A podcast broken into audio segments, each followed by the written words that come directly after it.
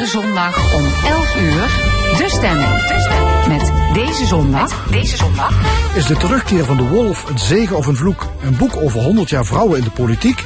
Een debat tussen FNV en werkgevers over werk en inkomen. En een optreden van Heavenly Heroes. De Stemming hoor je iedere zondag om 11 uur bij L1. L1. Het is 11 uur. Gert Kluk met het NOS Journaal.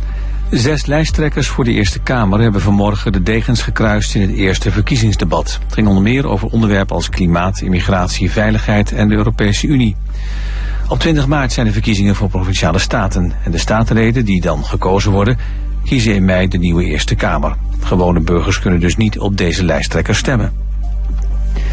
De beoogde nieuwe ambassadeur van Amerika bij de VN heeft zich teruggetrokken voor de functie. In een verklaring staat dat Heather Nauert die beslissing heeft genomen in het belang van haar familie.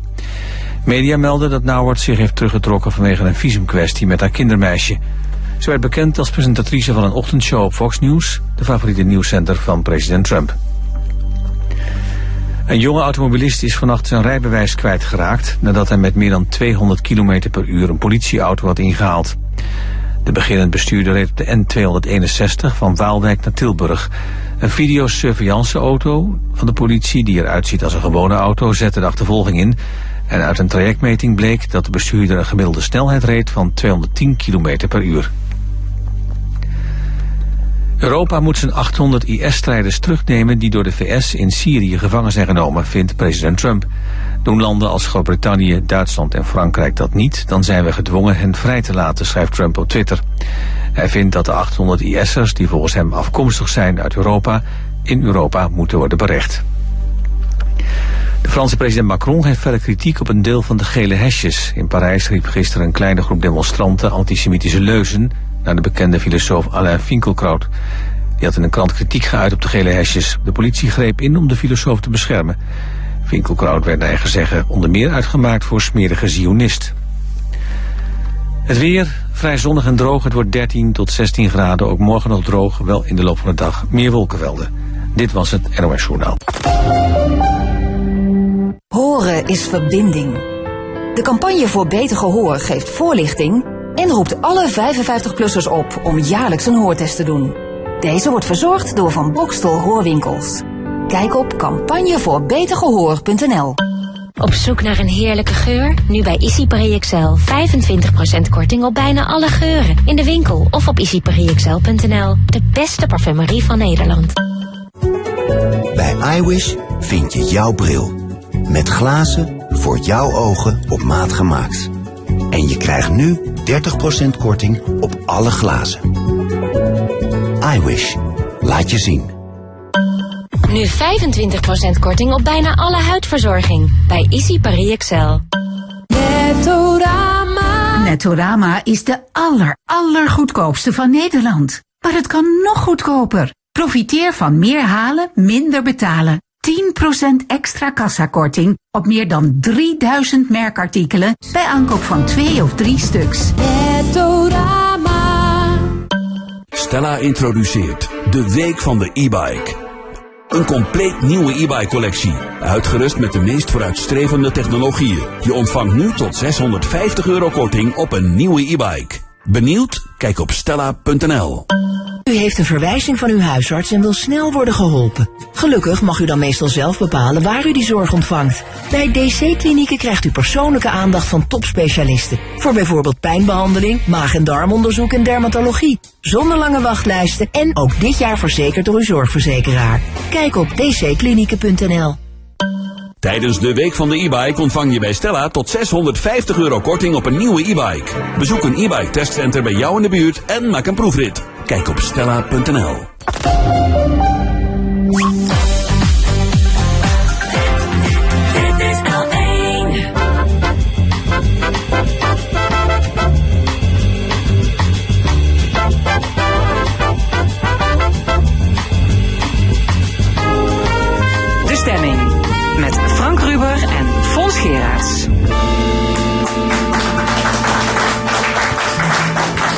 Zondag 17 februari, welkom bij de stemming. Twee uur lang interviews en discussies over politiek, cultuur en samenleving.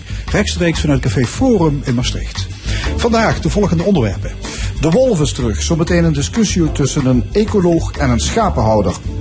Een boek over tien vrouwelijke pioniers in de politiek, zoals de eerste burgemeester en de eerste minister. En een nieuw stuk van toneelgroep Het Nieuw Stedelijk over medische fouten. In de tweede uur een discussie tussen werkgevers en werknemers over werkgelegenheid, koopkracht en de klimaatplannen. Dan ook een column en het panel discussieert over de spionageaffaire Maastricht en andere actuele zaken. En muziek, die is vandaag van de Heavenly, de Heavenly Heroes. Slow down now, somehow now.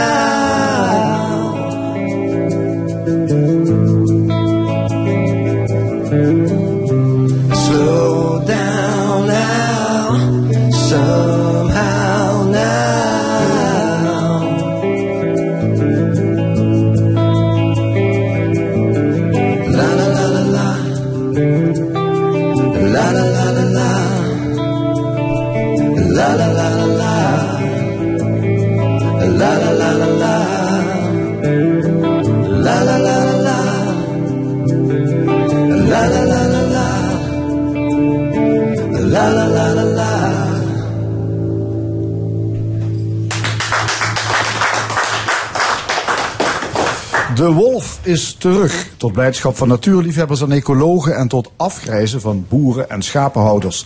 Want wolven willen nog wel eens een schaap te grazen nemen. In het afgelopen jaar zo'n 150 stuks. Hoe moet dat als het aantal wolven toeneemt, er roedels worden gevormd en de wolf zich hier permanent gaat vestigen? Onlangs kwamen de gezamenlijke provincies met een heus wolvenplan. Wat zijn de sterke en de zwakke punten van dat beleidstuk? Aan tafel wolvendeskundige Leo Linnaerts en schapenhouder Peter van der Heijden. Meneer Linnaerts, hoeveel wolven lopen er rond in Nederland op dit moment? Nou, op dit moment zitten er twee wolven op de Veluwe. En uh, waarschijnlijk dat er daarnaast nog wel ergens in Nederland een losse, zwervende wolf rondloopt. Maar veel meer dan dat is het niet. Ja, in 2018 zijn er totaal tien verschillende wolven ges- gesignaleerd. Ja. Dus de meeste zijn alweer de grens over of Ja. doodgereden. Of... Die, ja, die tien wolven die zijn eh, niet allemaal tegelijkertijd in Nederland geweest, maar vaak gewoon na elkaar. Dus op elk moment zaten er één of twee, hooguit drie wolven in Nederland. En twee zijn er doorgelopen naar België. Het, het, eh, het koppel eh, Naya en August, eh, die nou bij Leopoldsburg een paardje vormen. Die zijn eh, dwars door Ja, die, Nederland nou ja, die, gelopen. ja, die kwam door Limburg. Hè? Die is in Weert gesignaleerd. Ja. En er was nog een andere Limburgse wolf bij Lottum, Venlo, Heidhuizen is En die, die is bij opgedoken. Bree doodgereden. Hmm. Engeland eh, in België. En eh, nou ja, goed, en heel veel eh, wolven die Nederland aandoen, die, die zijn een paar weken hier in Nederland ergens. En die lopen kriskras door Nederland en gaan dan weer terug naar Duitsland. En uiteindelijk zijn ze gewoon allemaal op zoek naar een territorium en een partner. Ja. De laatste wolf is in 1869 afgeschoten in Schinveld. En we zijn nu 150 jaar verder. Waar hebben we zijn terugkeer aan te danken? Ehm, aan het feit dat wij met z'n allen een wolf een geweldig beest vinden en hem zijn gaan beschermen. Dat is eh, eigenlijk de grote motor achter de terugkeer. Ja, maar waarom komt hij hier naartoe? Waarom gaat hij de grens over? Hij, hij keert overal in Europa terug. En, eh, en uiteindelijk, eh, er is bijna geen land meer in Europa waar geen wolven gesignaleerd zijn. Dus en, en waarom land- zijn ecologen blij met de wolf? Wat is zijn toegevoegde waarde? Nou, hij heeft een heel belangrijke rol in de natuur. Hij houdt zijn prooidieren gezond, omdat hij namelijk best heel veel moeite moet doen om een eh, kerngezond prooidier te vangen. Eh, gaat hij er eh, met name op zoek naar, naar gewonde, zieke, zwakke dieren, oude dieren. En op die manier heeft hij dus een, ja, een, een, een, zeg maar een, een helende werking voor de, de hoefdierpopulaties, hoewel die daar zelf minder blij mee zijn. Dat kan me voorstellen. En, Betekent hij eh, ook nog iets voor de flora? Nou, eh, wat hij eh, heel erg betekent, hij betekent heel veel voor de insectenfauna.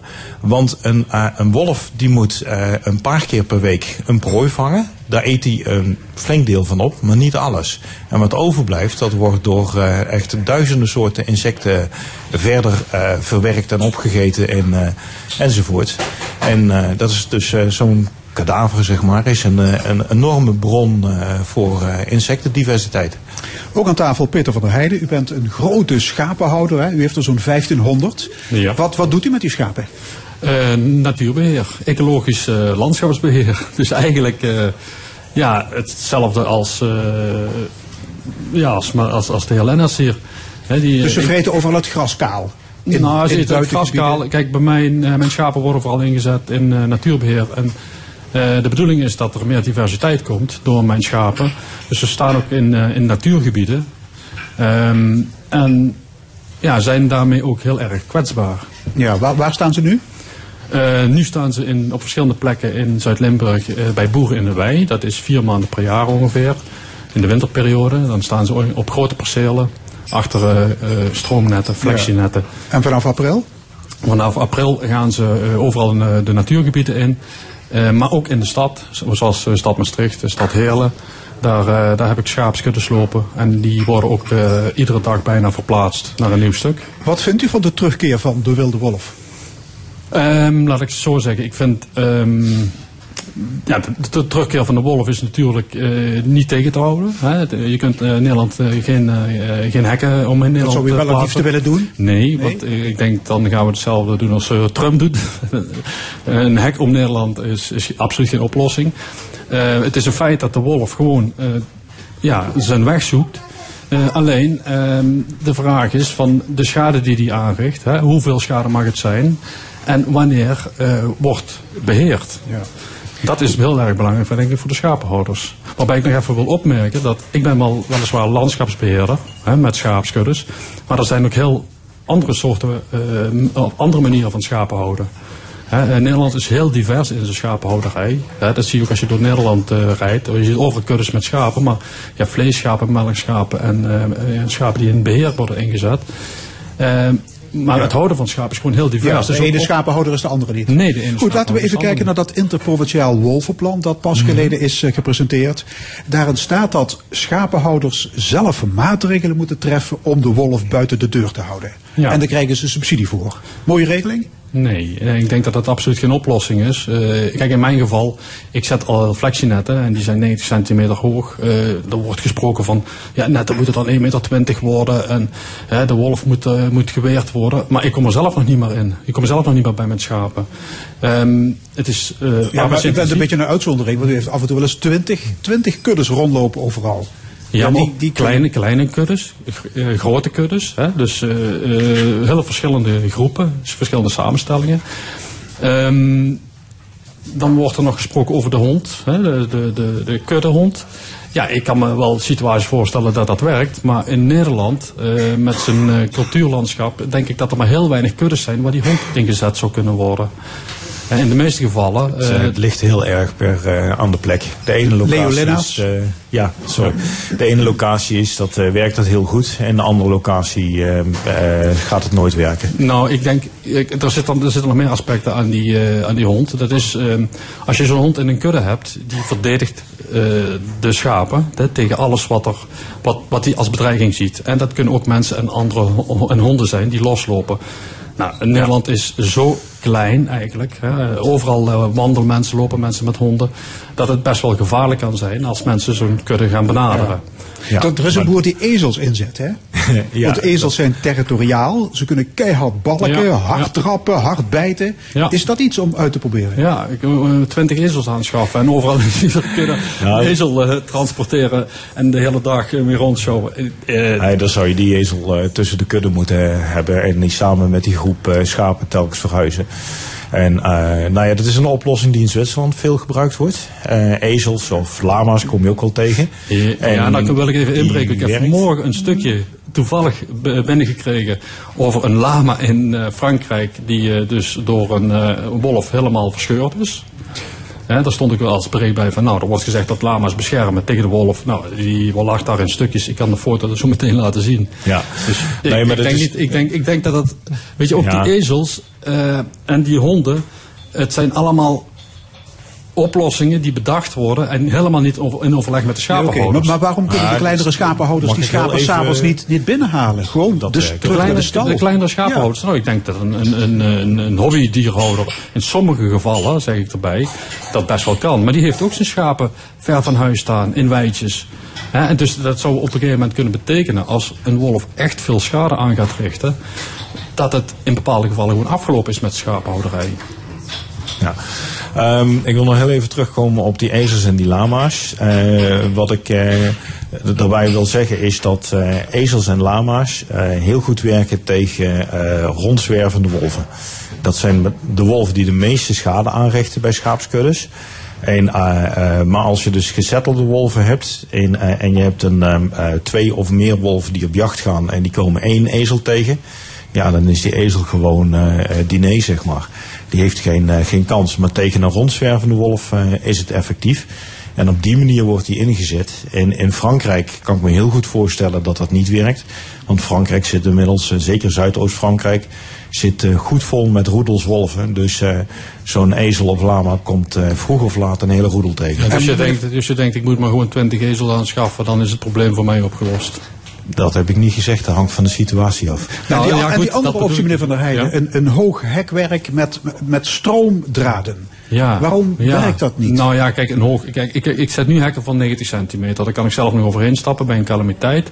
Een hoog hekwerk, nou dan moet ik op de spoortjes. Ik ben iedere dag die schapen aan het verzetten. Dus logistiek moet je je voorstellen dat ik iedere dag opbouw en afbreek.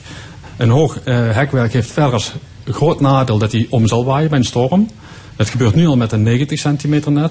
Plus, ik moet een 90 centimeter net, al vaak met een hamer, moet ik de paaltjes erin tikken. Ja, moet ik een trapje meenemen of zo. Om een hoog net. eh, dus eh, het, het, het werkt gewoon niet in, eh, in Nederland.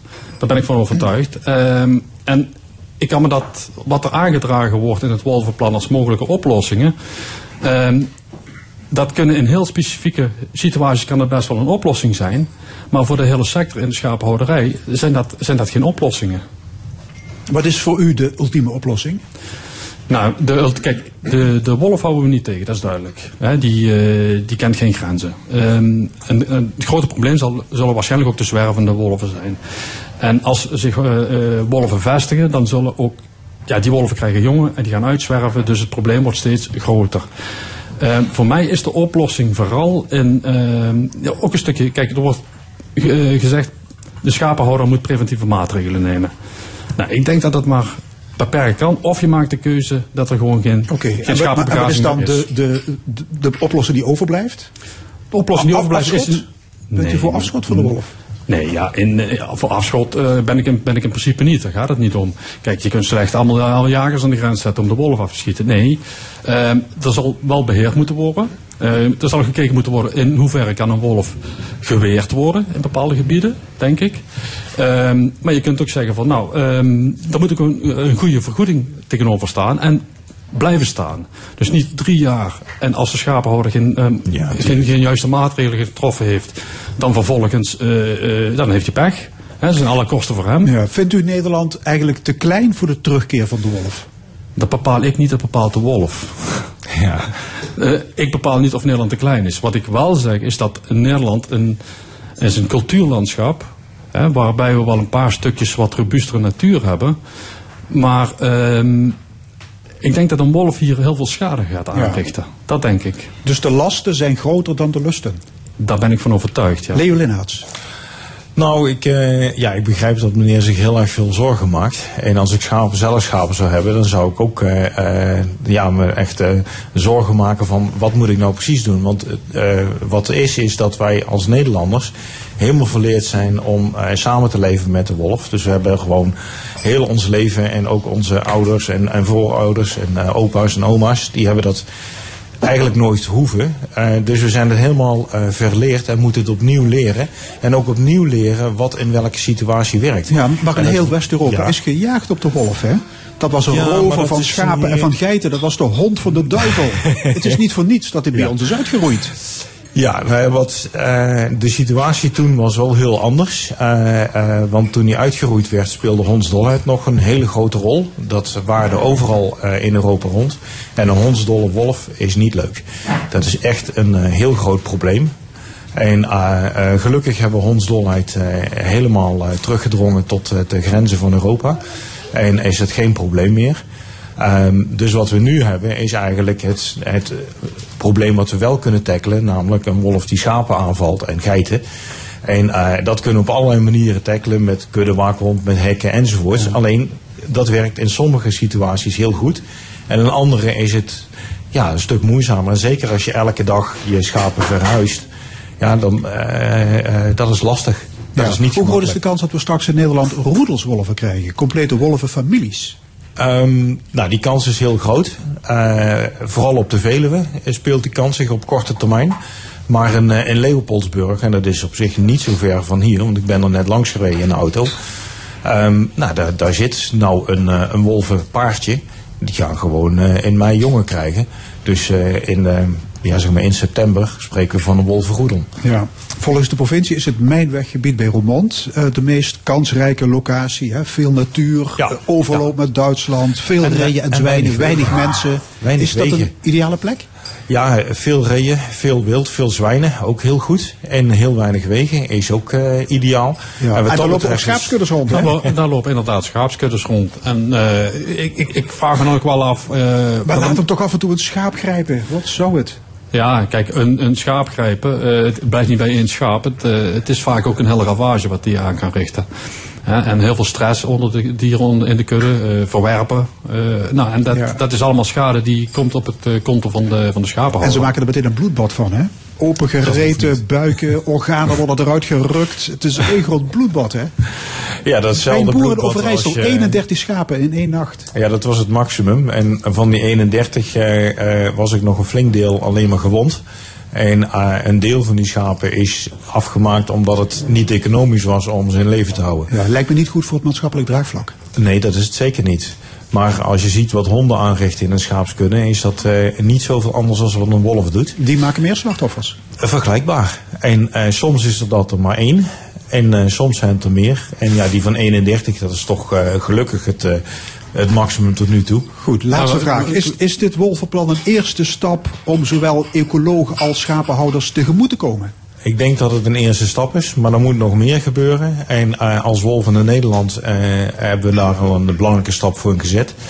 Eh, namelijk binnen Wolven in Nederland zit ook de club Wolffencing. En die helpen schapenhouders met het, het zetten van wolfwerende rasters. En daarmee houden ze ook meteen honden en vossen buiten. Ja, dat, dat, dat klinkt heel leuk, maar ik zie niet dat de hele dag iemand bij mij mee gaat helpen met netten zetten en netten verplaatsen.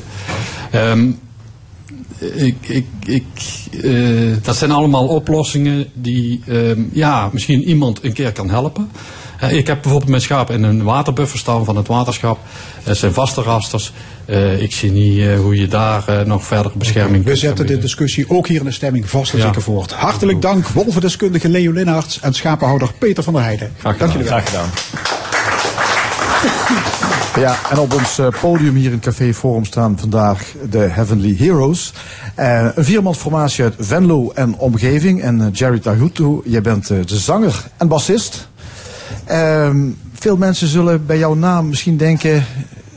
Jerry Tahutu, was dat niet die eh, voetballer van Fortuna in der tijd? Ook. Ja, hè, toch? Ook. Ja. Ik Ja. moet heel eerlijk zeggen dat ik eh, eh, twee jeugddromen had. Ja. En dat de ene was eh, voetballen. En eh, de andere was muziek. En dat, eh, muziek heb ik in de ijskast gezet, zodat ik eerst 15 jaar kon voetballen. En eh, nu ben ik muziek aan het maken en eh wauw, te gek. Ja, bij Fortuna was toen trouwens voor mij ook nog eredivisie in die tijd, hè? Toen, toen ook Speelde, eredivisie. volgens mij eindigden we dat jaar vierde, bekerfinale. En toen kwam ik als eh 17-jarig jokje kwam ik erbij. in de profwereld. En ik moet heel eerlijk zeggen, dat was erg wennen. Je begint, je begint erbij te, te lachen al. Als je dat Ja, eigenlijk- ja, ja. Leuke je, tijd. Nou, als je 17 jaar bent, dan eh, ga je normaal uit. En dan ga je normaal leuke dingen doen. En ik eh, werd ontdekt eh, op het Sios-terrein. Ik speelde bij een derde klasser in Venlo. En ik had eigenlijk nooit gedacht, ja, ik vond het gezellig om een biertje te drinken na de training. De stad in te gaan met een fietsje, tasje achter in de schuur te leggen. En op een gegeven moment, ja, toen vroeg iemand mij, dat was toen nog tijd Chris Dekker, of ik zin had om mee te trainen. Ja. Met jongens van mijn leeftijd. En toen de eerste keer nog gezegd van, nee, dat doe ik niet. En de tweede keer dacht ik, ja, laat ik maar meedoen. Ik ben er nou toch. En eh, toen kreeg ik, eh, volgens mij twee weken later, ja, kreeg ik een contract. Ja. En nou ja, goed, Fortuna en daar kwam nog van alles achteraan. Maar je zei al, ik had twee dromen. En die tweede droom is de muziek dus. Ja, ik, ik moet heel eerlijk zeggen dat ik van kleins af aan vond ik muziek gewoon schitterend. Ik wist niet zo goed wat ik er schitterend aan vond. Ik ging altijd concerten af, ging naar Pinkpop op jonge leeftijd met vrienden. Eh, ik spaarde eh, LP's Dus ik, eh, ik hou van alle soorten muziek. En, Ja. De Heavenly Heroes, wat, wat voor soort muziek is het? Heavenly Heroes zijn eigenlijk vier hele close vrienden. We spelen sinds vijf maanden spelen we met elkaar. En ja, ik moet heel eerlijk zeggen, ik heb veel vriendschappen meegemaakt. Maar deze is, deze is geweldig. Ja. Ik begrijp, jij schrijft de nummers? Ik schrijf de nummers zelf op een gitaartje. Ik, eh, ik, ik kan geen akkoord, ik weet ook geen noten. Ik weet niks. Maar ik doe het puur op mijn gevoel. En dan eh, schrijf ik. En meestal de dingen die me bezighouden of die ik zie, eh, daar begin ik over te schrijven. En dan komen we bij elkaar en dan, ja, dan gaan we met elkaar bakken. Gewoon En dingen dan- uit het alledaagse leven. Ja, het kunnen dingen zijn uit het alledaagse leven. Het kunnen dingen zijn die je niet verwerkt hebt of dacht dat je verwerkt had. En die dan op papier schrijft en later na denk je van wow, oké. Ah. Ja, wat is het eerste nummer wat we gaan horen van jullie? Eh, het eerste nummer is, eh, dat heet Sunshine. Dat is eigenlijk eh, een brief. Toen ik eh 14 jaar was, is mijn broer Jesse overleden. En die was 27. Dat was een te gekke muzikant. En ik heb vorig jaar heb ik toevallig van de oude bassist van hem heb ik oude opnames gekregen en er stond een nummer op Sunshine. En dat vond ik zo mooi. Dat was een soort van brief aan hemzelf. En eigenlijk heb ik hem nou, moet ik even goed tellen. 36 jaar later heb ik hem eh, geef ik hem antwoord. Heel mooi. Loop naar het podium en we gaan eh, luisteren naar eh, Sunshine. The Heavenly Heroes. Dat betekent even een slokje water nog en eh, gitaar omgespen. En dan eh, gaan we luisteren.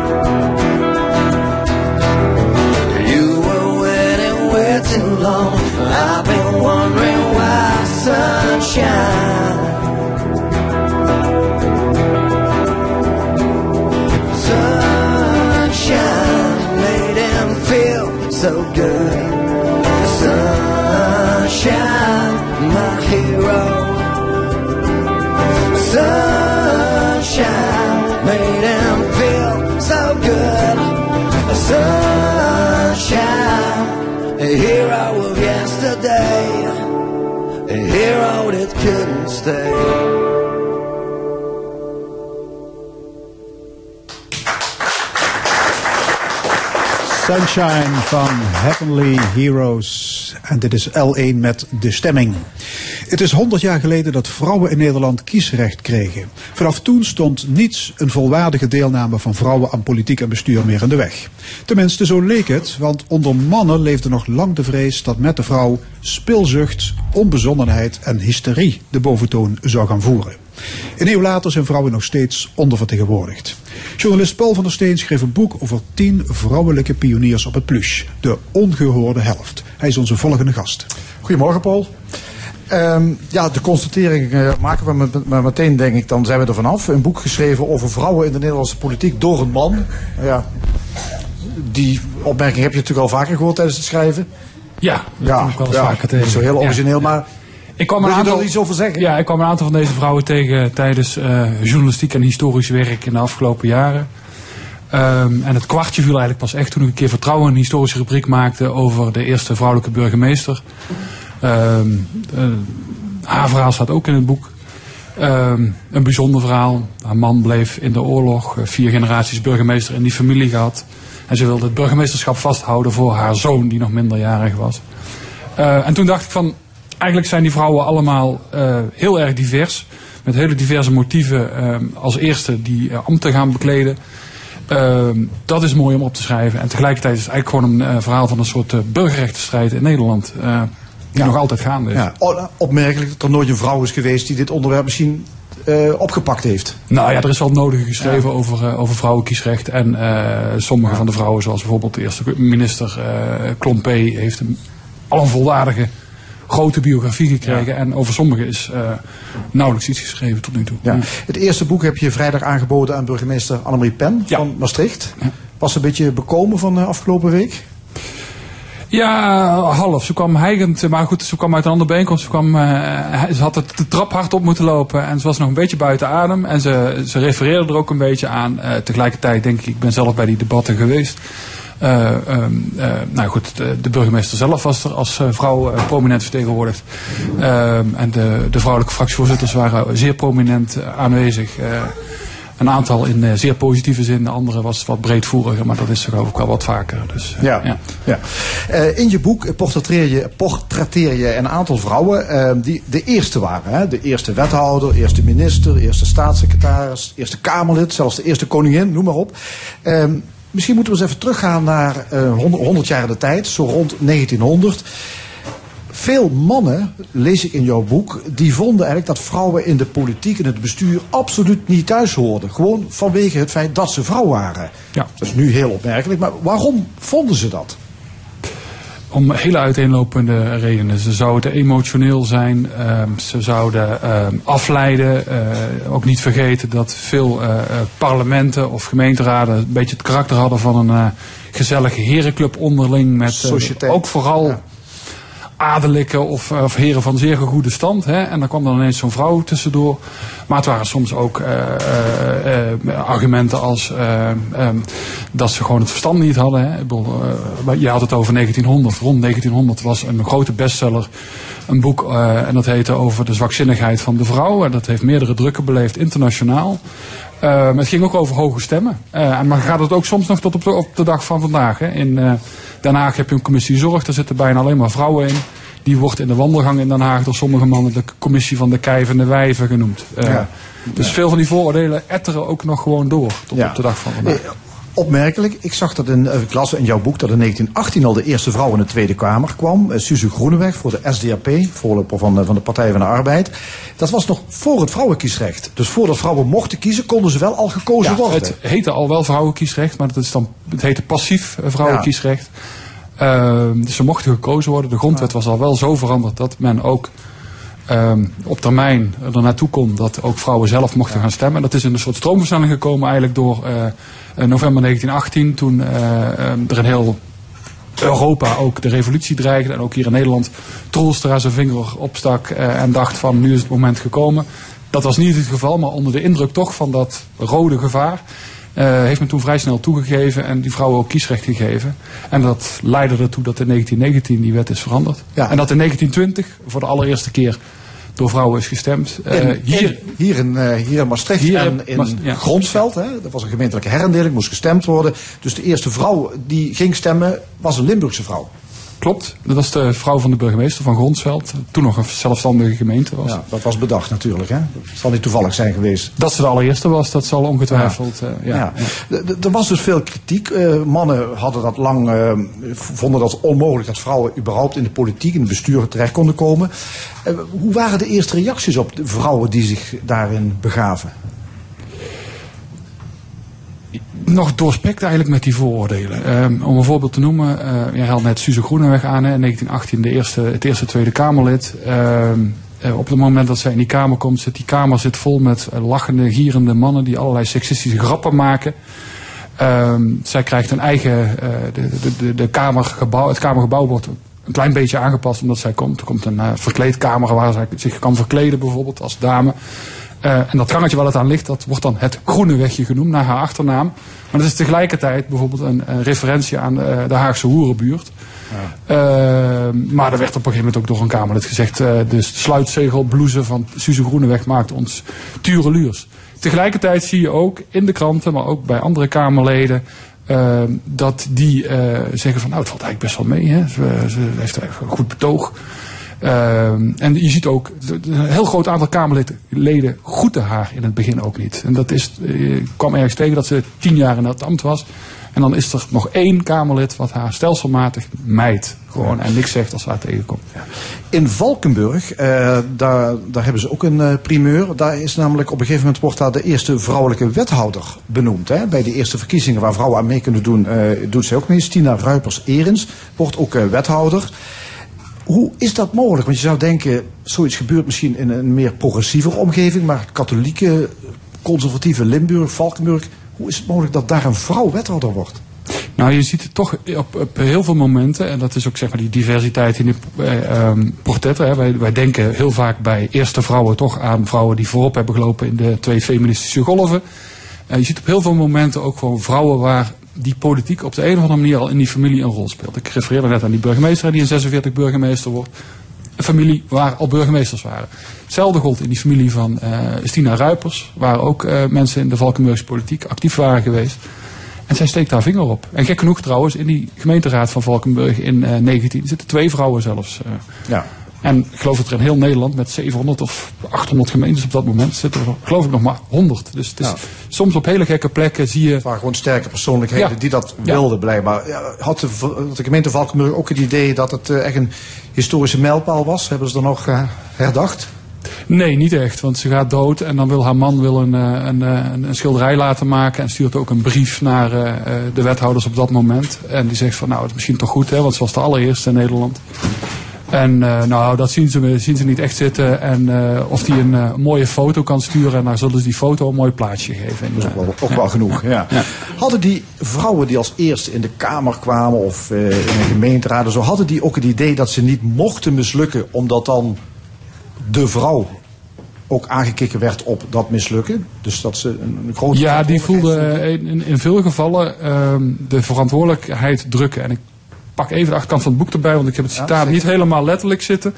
Maar bijvoorbeeld die Suze Groeneweg, hè, eerste Tweede Kamerlid, die zegt op een gegeven moment ook in haar eerste speech in de Tweede Kamer: Als ik als Kamerlid mislukte, dan zouden de vrouwen het gedaan hebben. Dus ze voelt heel sterk die last eh, drukken. Ehm, niet alleen omdat die mannen de vooroordelen hebben, maar omdat ze zich ook voelt dat al die andere vrouwen die misschien ook al politiek actief zijn en hebben gestreden voor dat vrouwenkiesrecht, eh, ja, Ja.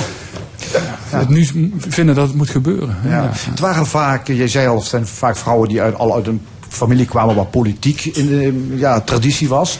Maar ik lees ook dat het vaak vrouwen waren die alleenstaand waren en die meestal ook wel van de kweekschool, hè, de toenmalige Pabo, kwamen. Ja, nou ja, eh, eh, bij veel geloven en sowieso ook denk ik wel buiten religieuze kringen eh, was het niet echt normaal dat je als getrouwde vrouw, laat staan als vrouw met kinderen, nog betaalde arbeid verrichtte in die tijd. En eh, de- ja, zo'n baan als onderwijzeres of lerares was eigenlijk in die tijd zo ongeveer de enige route om je als vrouw nog enigszins te ontwikkelen. Want ja, bijna allerhande andere vakken waren nog eh, ja, moeilijk toegankelijk. Dus, Ja. ja. In 1956 komt de eerste vrouwelijke minister in Nederland, Marga Klompé. Ehm, die kreeg ook, zag ik wel, een be- beetje zo'n zo'n typisch vrouwelijk ministerie. Mag je dat zeggen? Zo werd er in die tijd wel naar gekeken. Hè? Dat Ja. was een beetje de, de zachte sector. Ja, maatschappelijk werk. Dus Ja. ja, dat is echt zo'n eh, beetje zachte sector eh, departement. Maar dat zie je ook eigenlijk nog tot op de dag van vandaag eh eh, dooretteren. Ik bedoel, eh, wat ik net zei, en zo'n commissie zorg, daar zitten eh, allemaal vrouwen bijna in. Hoewel wel ministeries van Waterstaat, Verkeer en Waterstaat. Dat is een, een kleine uitzondering, maar om maar eens wat te noemen, financiën is toch echt een sleutelministerie in elk kabinet. Nog nooit een vrouwelijke minister hè, in, in al die jaren. Buitenlandse zaken. Nou, ontwikkelingssamenwerking wel. Dat is ook een beetje zacht, hè? een beetje hulp, dat dingen. Dat, maar nog steeds geen vrouw. 39 kabinetten sinds de invoering van het vrouwenkiesrecht. Geen enkele premier natuurlijk ook nog. Is, is er ooit een moment geweest in de Nederlandse parlementaire geschiedenis dat er misschien een vrouw minister-president had kunnen worden? Dat het misschien net Ja. een dubbeltje op zijn kant is geweest? Twee keer, diezelfde Klompé, hè, die had weliswaar maatschappelijk werk, maar die eh, bemoeide zich met zo ongeveer alles. Hè. Tot diep in de nacht belden ze ministers op, zelfs nog over als er iets in hun dossier speelde. Tot irritatie soms ook van die ministers. Eh, maar ze viel ook echt op gewoon, hè, als prominente eh, vrouw. Zij is in 1967 ook gepolst door haar eigen partij van zou jij niet misschien premier willen worden? Was ze dat geworden, was ze de derde in de wereld geweest. Daar hadden we ook voorop gelopen als Nederland. Maar ze zei van ik heb toch onvoldoende eh, verstand van alle dossiers. En ik ben ook niet zo goed op dat gebied van financiën. En ik denk dat de Nederlanders ook nog niet toe zijn aan een vrouw als premier. Ja. Dus dat toen gekund. En heel eventjes ook nog toen eh, Rutte begon als premier. Toen is er nog sprake van geweest dat eh, Rutte weliswaar lijsttrekker zou zijn. Maar dat eh, Nelly Kroes wellicht premier zou worden. Ja, het is allemaal niet gebeurd. Je ziet nu nog steeds ja, de, de vergelijkingen. Het is nog steeds niet 50-50 in Den Haag, hè? absoluut niet. Nee, en in sommige andere ambten is het eh, helemaal om te huilen. Ik, bedoel, ik zag laatst een foto van de kring van commissarissen van de koning. En dan zie je eh, elf mannen eh, eh, staan in pak met allemaal dezelfde stropdas en dezelfde pakken en dezelfde brilmonturen. Dan staat dan Jette Kleisma tussen als enige vrouwelijke commissaris van de koningin. Dus 6% burgemeesters, eh, even uit mijn hoofd, 27% van. Dus, en in de Kamer loopt het bijvoorbeeld terug de laatste tien jaar. Dus wat dat betreft eh, goed om eh, dat dit boek geschreven is. Eh dankjewel. Paul van der Steen. Ik ga nog één keer de titel van het boek noemen. De ongehoorde helft. De eerste vrouwen op het politieke pluche. Dit is De Stemming, live radio van L1 vanuit Café Forum in Maastricht. We zijn er tot 1 uur. Zometeen aandacht voor Hybris, een toneelstuk over medische messers. Maar eerst de band Heavenly Heroes. Ze gaan spelen Forever Young. Ja, ja.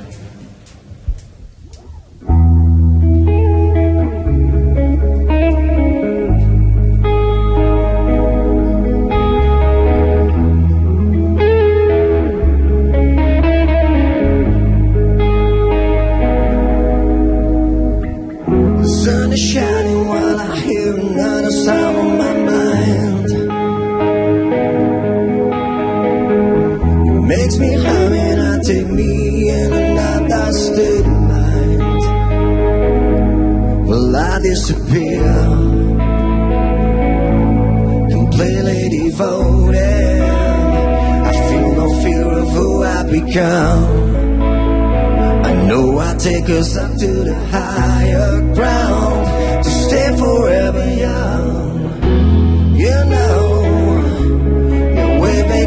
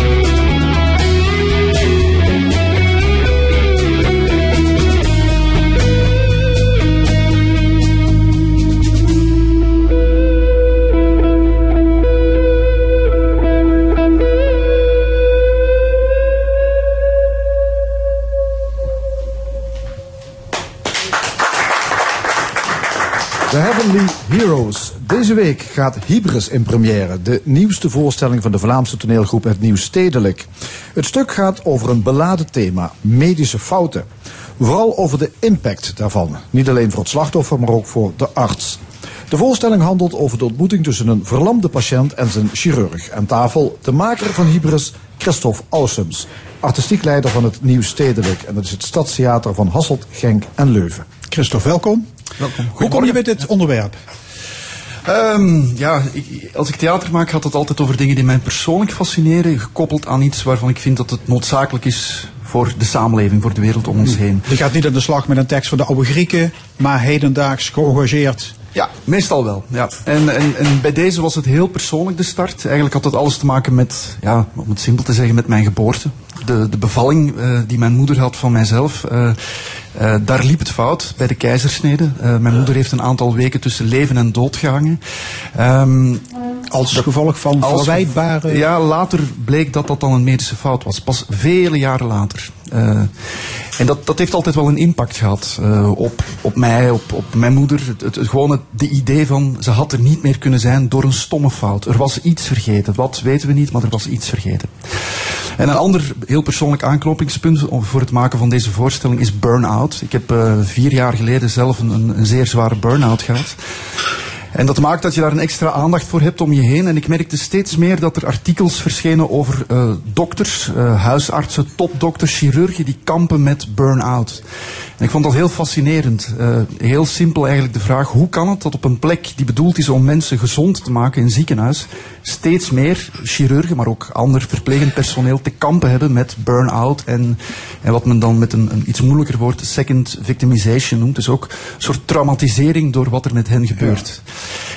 En Kijk, ook- maar dan heb je een mooi actueel onderwerp te pakken. Voilà. Hoe, hoe ga je dan verder? Ga je research doen? Ja, dan begin ik, eh, ik denk een beetje zoals Paul, die net sprak, eh, ook eh, zijn research doet. Ga je beginnen lezen, ga je, ga je alle ehm, eh, bronnen die je kan vinden, bestaande bronnen raadplegen, om je in te werken in de materie. Om een beetje te kijken waar zitten die, die centrale dilemma's, waar zitten die, die pijnpunten. En vervolgens, en dat is heel typisch voor mijn manier van werken, ga ik diepte-interviews afnemen. Dus ik ben...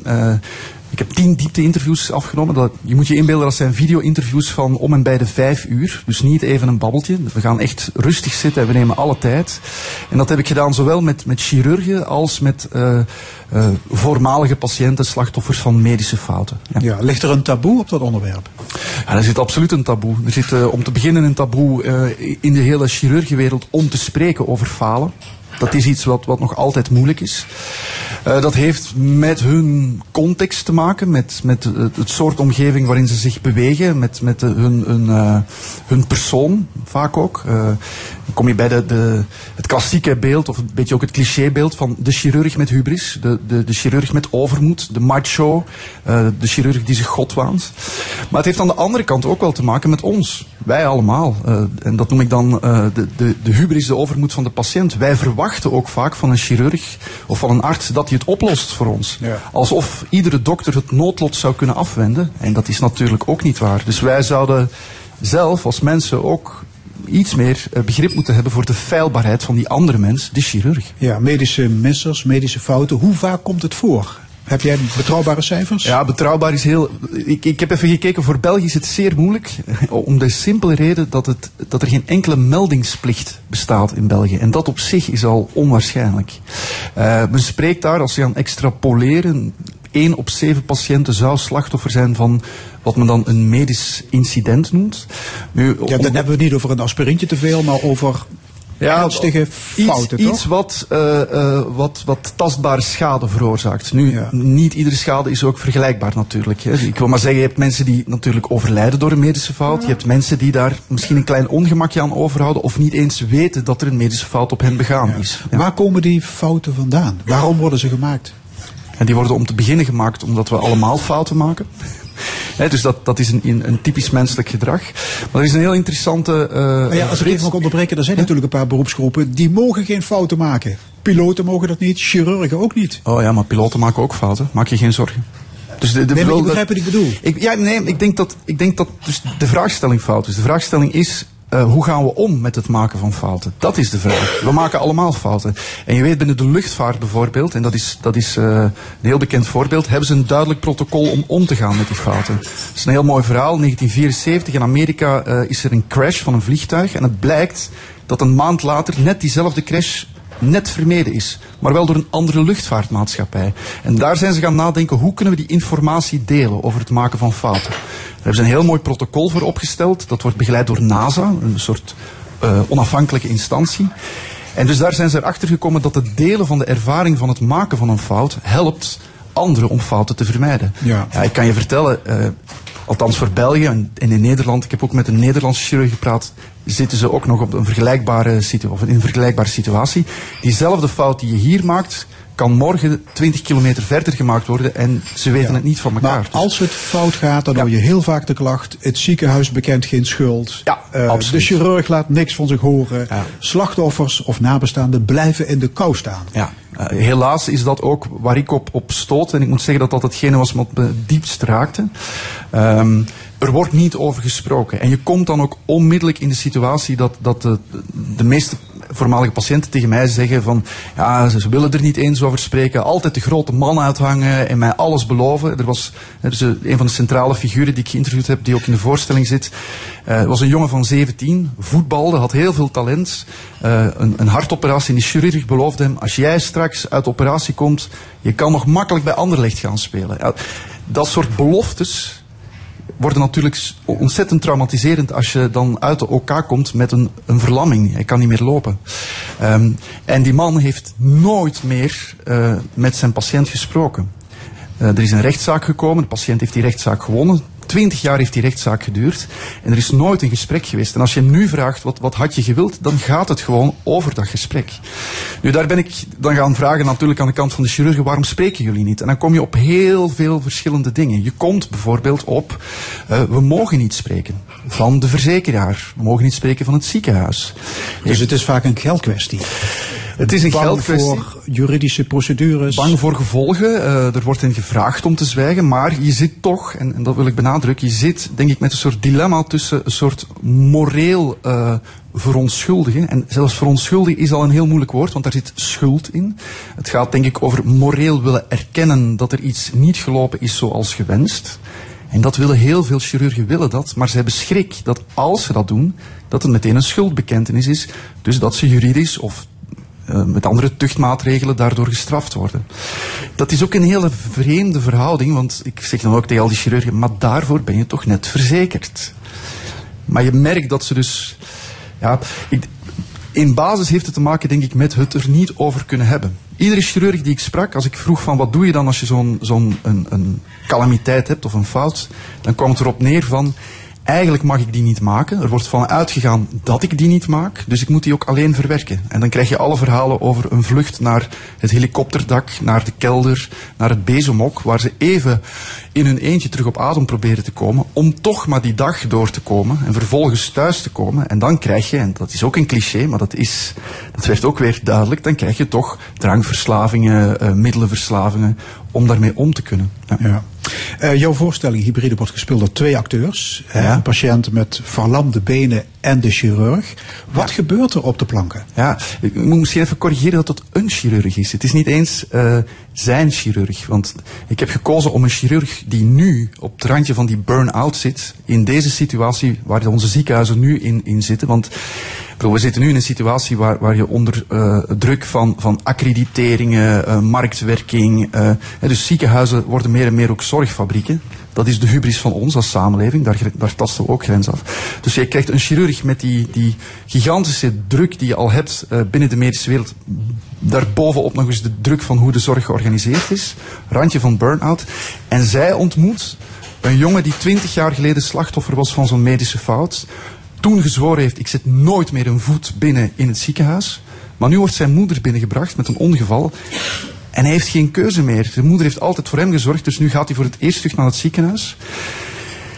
En beiden komen elkaar eigenlijk toevallig tegen. En wat ik probeer te doen, is een soort spiegeling te maken. Want dat viel mij op in alle gesprekken die ik had met die patiënten en die chirurgen, dat ze eigenlijk heel erg op elkaar leken. Dat ze ook heel veel dealden met met hun onvermogen eh, eh, om om te gaan met wat er met hen gebeurd was. En dat spreken ze tot elkaar uit. En dan ja, gaat het dan over verontschuldigingen krijgen. Ze zeggen vaak niet, maar als je het echt blijft doorvragen, gaat het toch over soort erkenning. Een heel menselijke erkenning. Ja. Is het vooral teksttoneel? Uh, het is ook, uh, er zit ook uh, waanzinnig veel muziek in, want dat is typisch voor ons. Dus je zei net, er zijn twee acteurs, maar er zijn ook twee live muzikanten. En die interactie tussen die, die live muziek en die acteurs is bij ons ja, essentieel voor onze manier van theater maken. Ja. Oké, okay, Hybris van het Nieuwstedelijk is komende zondag te zien in de Nieuwe Zaal in Hasselt. Ja. Kom je nog naar Nederlands Limburg? Dit seizoen niet, ik hoop volgend seizoen wel. Maar hij speelt ook nog in Genk. Dus in Hasselt en Genk, dat is vrij dichtbij in uh, pak en beet tussen nu en half maart. Oké, okay. Christophe Ausums, veel succes, hartelijk dank. Dankjewel. Straks na 12 uur in de stemming en discussie tussen de Limburgse sociale partners over werk en inkomen. Een column van Nina Bokke, discussiepanel en muziek van de Heavenly Heroes. Blijf luisteren. Tot zometeen. Wereldwijd gaan 9 van de 10 kinderen met een handicap niet naar school. Het Lilianenfonds zorgt ervoor dat zij wel naar school gaan. Ga naar lilianenfonds.nl en kijk wat u kunt doen. Specsavers Audiciëns is blij en trots. Want we zijn voor het tweede jaar op rij uitgeroepen tot beste audicien van Nederland. Uit de vele stemmen bij de beste winkelketenverkiezing scoorden wij het hoogst op deskundigheid, service, betrouwbaarheid en klantvriendelijkheid. Wij nodigen u graag uit om dit zelf te ervaren middels een gratis en vrijblijvende hoormeting. Dus maak snel een afspraak bij de beste audicien van Nederland. Specsavers Audiciëns. Voor 3 euro per maand helpt u een kind met een handicap naar school. Ga naar lilianefonds.nl. Als timmerman, loodgieter of stucador wil je ook wel een keer in de prijzen vallen. Rijd daarom in de nieuwe Peugeot Partner. Die is bekroond tot International Van of the Year. U rijdt hem al vanaf 199 euro per maand met een financial lease tarief van 0%. Zo pak je toch een mooie prijs. Ontdek de nieuwe Peugeot Partner bij uw Peugeot Professional Center. Of kijk op peugeotprofessional.nl. Marktplaats heeft auto's van ruim 8000 autobedrijven. Ideaal als je zeker wilt weten dat er een expert naar je auto heeft gekeken. Zoals Ab, die zijn dochter verraste met een roze Fiat 500 voor haar 18e verjaardag. Gekocht bij een autobedrijf op Marktplaats. En nu gaan ze met een gerust hart de weg op. Dus hoe je ook wilt rijden, ga ervoor. Het begint op Marktplaats. Voordeeluitjes.nl. Boek nu met extra voordeel bij voordeeluitjes.nl met Airmiles. Wissel je Airmiles in en krijg tot 20 euro extra korting. Geldig op alle hotelarrangementen. Ga naar voordeeluitjes.nl. Kampioen in arrangementen. Voordeeluitjes.nl Verkoop je auto op Marktplaats. Want daar zijn iedere maand ruim 2,7 miljoen potentiële autokopers. Ga ervoor. Het begint op Marktplaats. In de klassieke avond is René Henket te gast. Trompetist bij het Johan Strauss Orkest van André Rieu. Verder opnames van de Philharmonie Zuid-Nederland onder leiding van cellist en dirigent Mario Brunello. Met stukken van Weber, Solima, Tofik en Haydn. Dat allemaal vanavond in de klassieke avond van 6 tot 9 op L1 Radio. Het is 12 uur. Jan van der Putten met het NOS-journaal. Bij een ongeluk op de A59 bij Rosmalen zijn vannacht drie mensen om het leven gekomen. Eerst werden twee lichamen gevonden. Later, bij de berging, bleek dat er nog een derde dode was. Ze zaten in een auto die rond half zes van de weg raakte... en vermoedelijk tegen een pijler van een matrixbord reed. De auto brandde volledig uit. De politie onderzoekt waardoor de auto van de weg raakte. De identiteit van de drie slachtoffers is nog niet vastgesteld. Zes lijsttrekkers voor de Eerste Kamer hebben vanmorgen de degens gekruist in het eerste verkiezingsdebat. Het ging onder meer over onderwerpen als klimaat, immigratie, veiligheid en de Europese Unie. Op 20 maart zijn de verkiezingen voor provinciale staten. De statenleden die dan gekozen worden kiezen in mei de nieuwe Eerste Kamer. Gewone burgers kunnen dus niet op die lijsttrekkers stemmen. Bij een grote brand in een sloppenwijk in de stad Chittagong in Bangladesh zijn zeker acht mensen om het leven gekomen. Meer dan 50 bewoners raakten gewond. Het vuur legde in een paar uur tijd bijna 200 woningen in de as. De brand brak ochtends uit in de buurt van een markt in de havenstad met ruim 2,5 miljoen inwoners. Veel bewoners van de sloppenwijk in Chittagong lagen nog te slapen. De brandweer vermoedt dat het vuur ontstond na kortsluiting.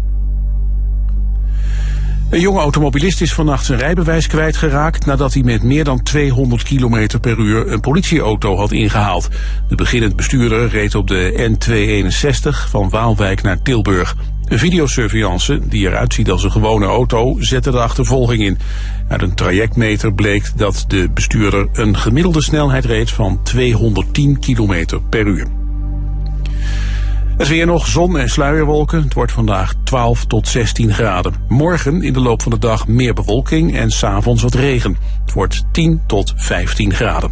Dit was het NOS Journaal.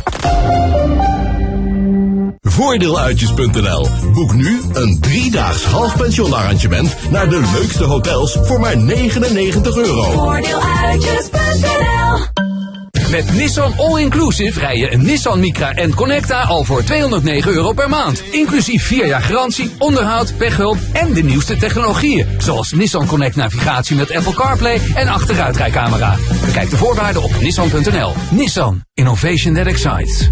Let op. Geld lenen kost geld. Voordeeluitjes.nl. Ga er voordelig op uit. Boek nu drie dagen op basis van half pension voor maar 99 euro. Voordeeluitjes.nl Was nou maar naar Specsavers gegaan, want wij verdubbelen de brillenvergoeding van uw zorgverzekeraar. Als uw vergoeding bijvoorbeeld 100 euro is, doen wij er nog eens 100 euro korting bovenop. Altijd voordeel, ongeacht waar en hoe u verzekerd bent. Kom snel naar de winkel of maak een afspraak op specsavers.nl. Nadenken over je pensioen kan natuurlijk later. Maar later heb je het al zo druk. Want later ga je voor jezelf beginnen. Je gaat later ook pianoles nemen. Oh, en je gaat op wereldreis. Tip van Egon. Met geld voor later kan je vandaag beginnen. Doe de goed met geldtest op egon.nl slash goed met geld. Egon. Iedereen goed met geld. Nettorama. Nettorama is de aller, allergoedkoopste van Nederland. Maar het kan nog goedkoper. Profiteer van meer halen, minder betalen. 10% extra kassakorting op meer dan 3000 merkartikelen bij aankoop van twee of drie stuks. U heeft een verwijzing van uw huisarts en wil snel worden geholpen. Gelukkig mag u dan meestal zelf bepalen waar u die zorg ontvangt. Bij DC-klinieken krijgt u persoonlijke aandacht van topspecialisten. Voor bijvoorbeeld pijnbehandeling, maag- en darmonderzoek en dermatologie. Zonder lange wachtlijsten en ook dit jaar verzekerd door uw zorgverzekeraar. Kijk op dcklinieken.nl. Verdubbel je voordeel bij Hyundai. Het kan nog steeds. Extra veel korting En extra veel inruilwaarde. Zo krijg je op de Hyundai Kona nu 1000 euro korting. En 1000 euro extra inruilwaarde. Dat is 2000 euro voordeel. Als dat niet onweerstaanbaar is, kijk op Hyundai.nl. Je vindt ons bij Welling Maastricht.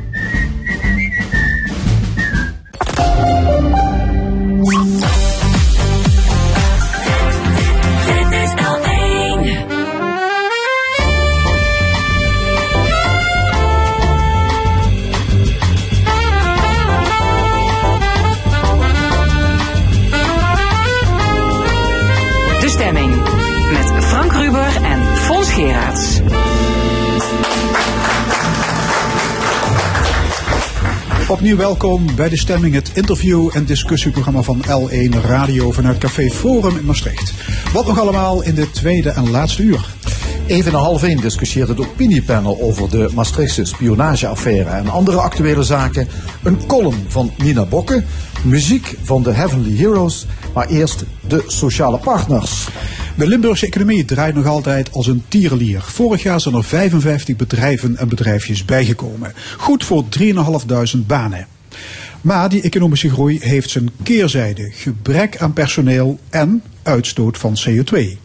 Volgens het klimaatakkoord moet die met 50% omlaag. Zal het bedrijfsleven diep in de buidel tasten of dreigt, om het gedeputeerde Koopmans te spreken, een tweede mijnsluiting? Allemaal zaken die aan de orde komen in het debat dat we gaan voeren met Ron van Baden, regiocoördinator van de FNV, en Giel Brown, voorzitter van de Limburgse Werkgeversvereniging. Ja, welkom allebei. Eerst maar het, eh, het goede nieuws. Het gaat economisch goed. We hoorden het al. 55 nieuwe bedrijven vorig jaar. 3.500 nieuwe arbeidsplaatsen. En meneer Brown, welke bedrijven doen het vooral goed? Nou, de, de, de, de groei zit hem breed. Eh, Er wordt meer besteed, consumenten besteden meer. Dus eh, horeca, winkelbedrijven eh, doen het goed. Maar met name ook de industrie. Het moet allemaal geproduceerd worden. De industrie draait op, eh, op volle toeren. De bouw is zich weer aan het herstellen. Eh, alhoewel dat we ons moeten realiseren dat de bouw zeg maar, vanaf 2008 tot 2015, 16 op slot gezeten heeft. Maar die herstellen zich dus, dat, dat zit redelijk eh, breed. Ja, en ik zag bij de nieuwe bedrijven in Noord-Limburg ook de, de logistiek, hè, die nog steeds heel hard groeit. Hoeveel ruimte is daar eigenlijk nog voor? Eh, Dat kan ik u niet precies zeggen. Ehm, eh, maar we hebben nog eh, voldoende vierkante meters, ook in, in Born en omgeving. Eh, voldoende vierkante meters om grote bedrijven hier naartoe te halen. Ehm, afgelopen jaar is de onderhandeling geweest met Alibaba voor een, eh, voor een, een warehouse van, ik geloof iets van 12 of 15 voetbalvelden. Dat is helaas niet gelukt om ze hier naartoe te halen. Die, zijn, die hebben zich in Luik gevestigd. Maar wij hadden hier in Limburg de ruimte om nog zo'n groot bedrijf met zoveel eh, logistieke ruimte, om die te huisvesten. Ja. En eh, Ron van Baden, zijn er ook genoeg werknemers om al die bedrijven te vullen? Ja, volgens mij eh, niet. Ehm, ehm, maar we weten toch altijd die werknemers weer te vinden. Dus dat is volgens mij niet het eh, allergrootste probleem. Ehm, ik maak er wel wat bezwaar tegen dat we iedere keer maar weer eh, die focus leggen op groei, groei, groei, groei. Dan gaan we vragen of we genoeg werknemers hebben. Ik vind wel dat we ook de vraag moeten stellen wat voor soort groei is het. Is het ook kwalitatieve groei? Want waarom is alleen maar groei heilig? Eh, en waarom willen we dat ook voor de mensen hier in het, eh, in het land of hier ook in de regio? Eh, daar moeten we ook meer aandacht voor hebben. Ik Is- denk- zijn, ik er, denk- zijn er bedrijven die dus nu groeien waarvan u zegt, dat is misschien het verkeerd soort bedrijven dat we nu binnenhalen? Dat, ja, ik denk, ik denk het wel. Je moet daar Wel- goed, eh, nou, ju- juist ook in de logistiek. Hè. Je moet niet alleen maar dat hele land hier volzetten met logistieke dozen, waar eh, alleen maar eh, waar heel veel laagwaardige ar- arbeid zit. En dan ben je gewoon een lage lonenland, zou je ook kunnen gaan worden. Terwijl we ook behoefte hebben bij heel veel hoogwaardige maakindustrie. Hè, dus er moet wel een goede mix zijn. Dus je moet Ja. je niet blind staren alleen maar op eh, werkgelegenheidsgroei. Ja, want er zijn ook heel veel eh, werknemers, begrijp ik, in die logistiek. Die komen niet eens uit Limburg, die worden aangevoerd uit Oost-Europa. Ze komen, eh, ze komen uit Limburg, ze komen uit Oost-Europa. Dat doet er ook niet toe, hè, waar de mensen vandaan Ja. komen. Nee, maar je Als- kunt je afvragen, waarom bouw je die, die blokkendozen als de mensen van ver gehaald moeten worden? Voor wie doe je het eigenlijk, meneer Brown? Ja, als u die vraag aan mij stelt, ehm, dan, dan is groei niet alleen maar zomaar te sturen. Eh, hoogwaardige productie vindt hier in, eh, in Nederland plaats. Eh, maar er zijn nou eenmaal producten die kunnen hier niet meer in West-Europa geproduceerd worden omdat we te duur geworden zijn. Dus maar als we, van de- verre. als we het even over die logistiek hebben, waarom zouden wij hier distributiecentra bouwen en dan vervolgens de werknemers uit Polen en Roemenië gaan halen? Ja, maar eh, zoals u het stelt, is het, is het dus niet eh, zwart-wit. Er komen mensen uit Roemenië, er komen mensen uit, uit Polen. maar het overgrote gedeelte van, van de mensen in de logistiek, die komen toch nog echt hier, van, hier vandaan. Dat, eh, Ik hoor Ron van Baden net zeggen, we halen ook wel het verkeerd soort bedrijven binnen. Nee, als het gaat over het investeren in werkgelegenheid, moet je dat, met een, eh, moet je dat echt met een visie doen. Wat voor soort werkgelegenheid je ook creëert. Hè, hoe je eh, over de volle breedte ook van eh, de werknemers daar ook werkgelegenheid voor die mensen is. Maar is er, gebeurt het dan op dit moment, is, is er geen visie? Komen dus verkeerd soort bedrijven Het, is, het, is, het, is soms te, het gaat soms te gemakkelijk hè, dat, een, eh, dat een wethouder denkt van eh, het is wel handig, ook werkgelegenheid hier eh, bij ons in de regio.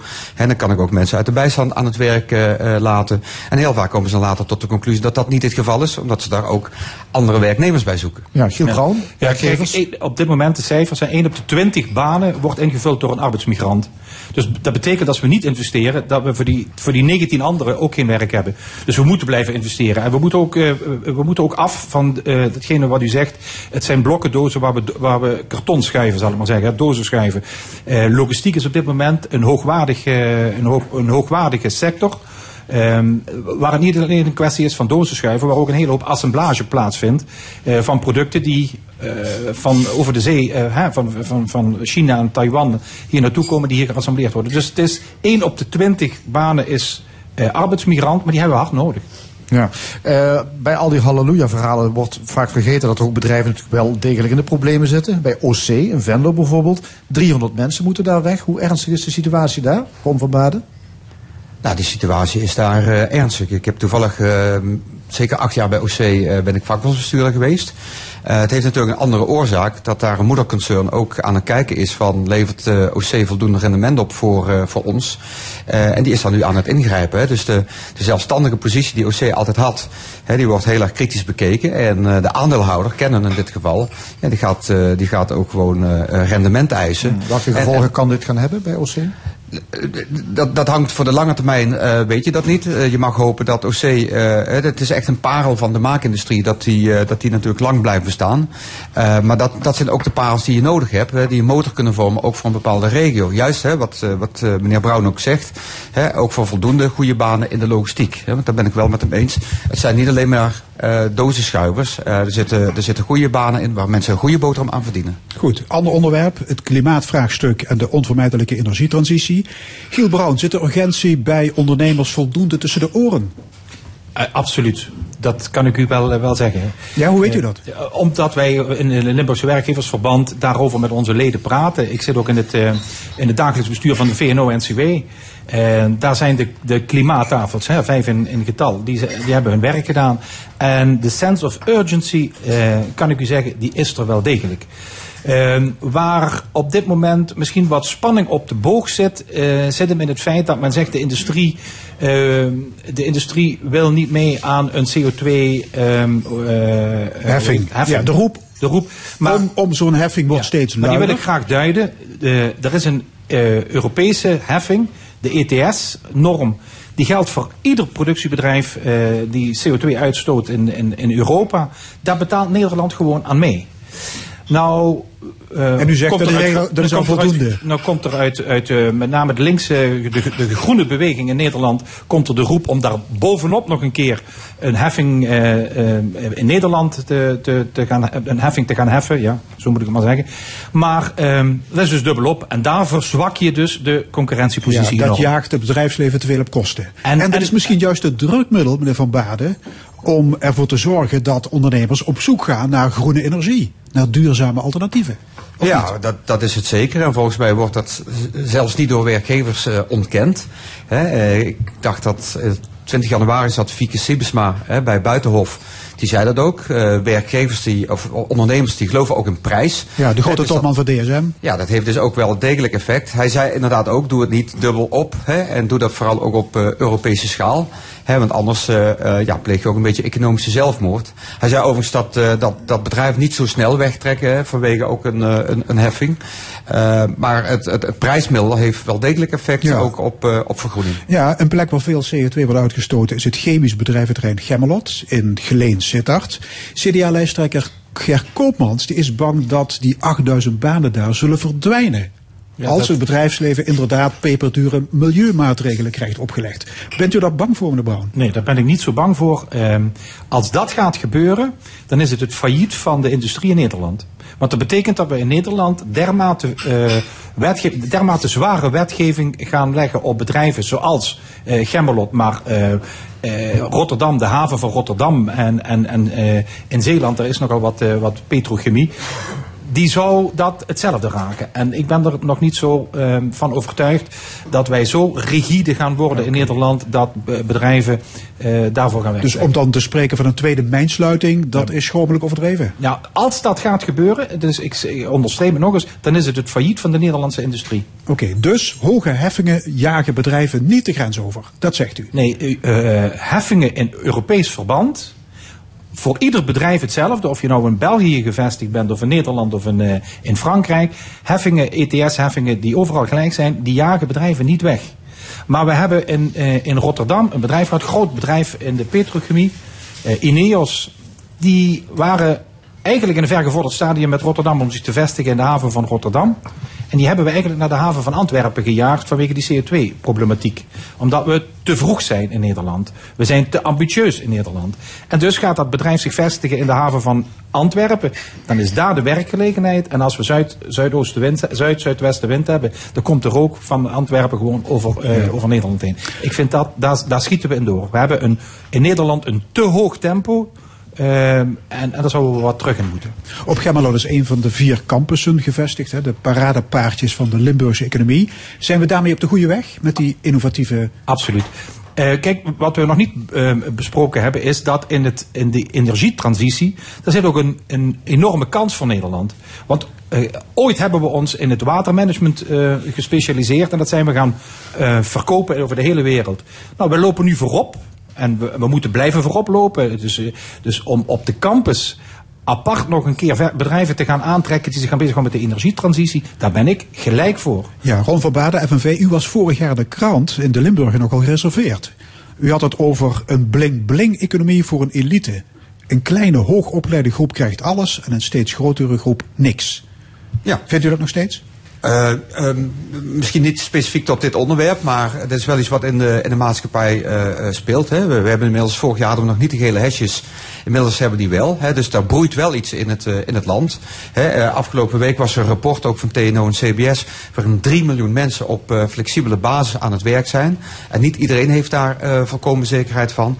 Dus we moeten in de energietransitie, hè, we moeten geen pech- en geluksgeneraties creëren. Hè, we moeten kijken als wij zo'n transities vormgeven, dat we dat doen voor iedereen.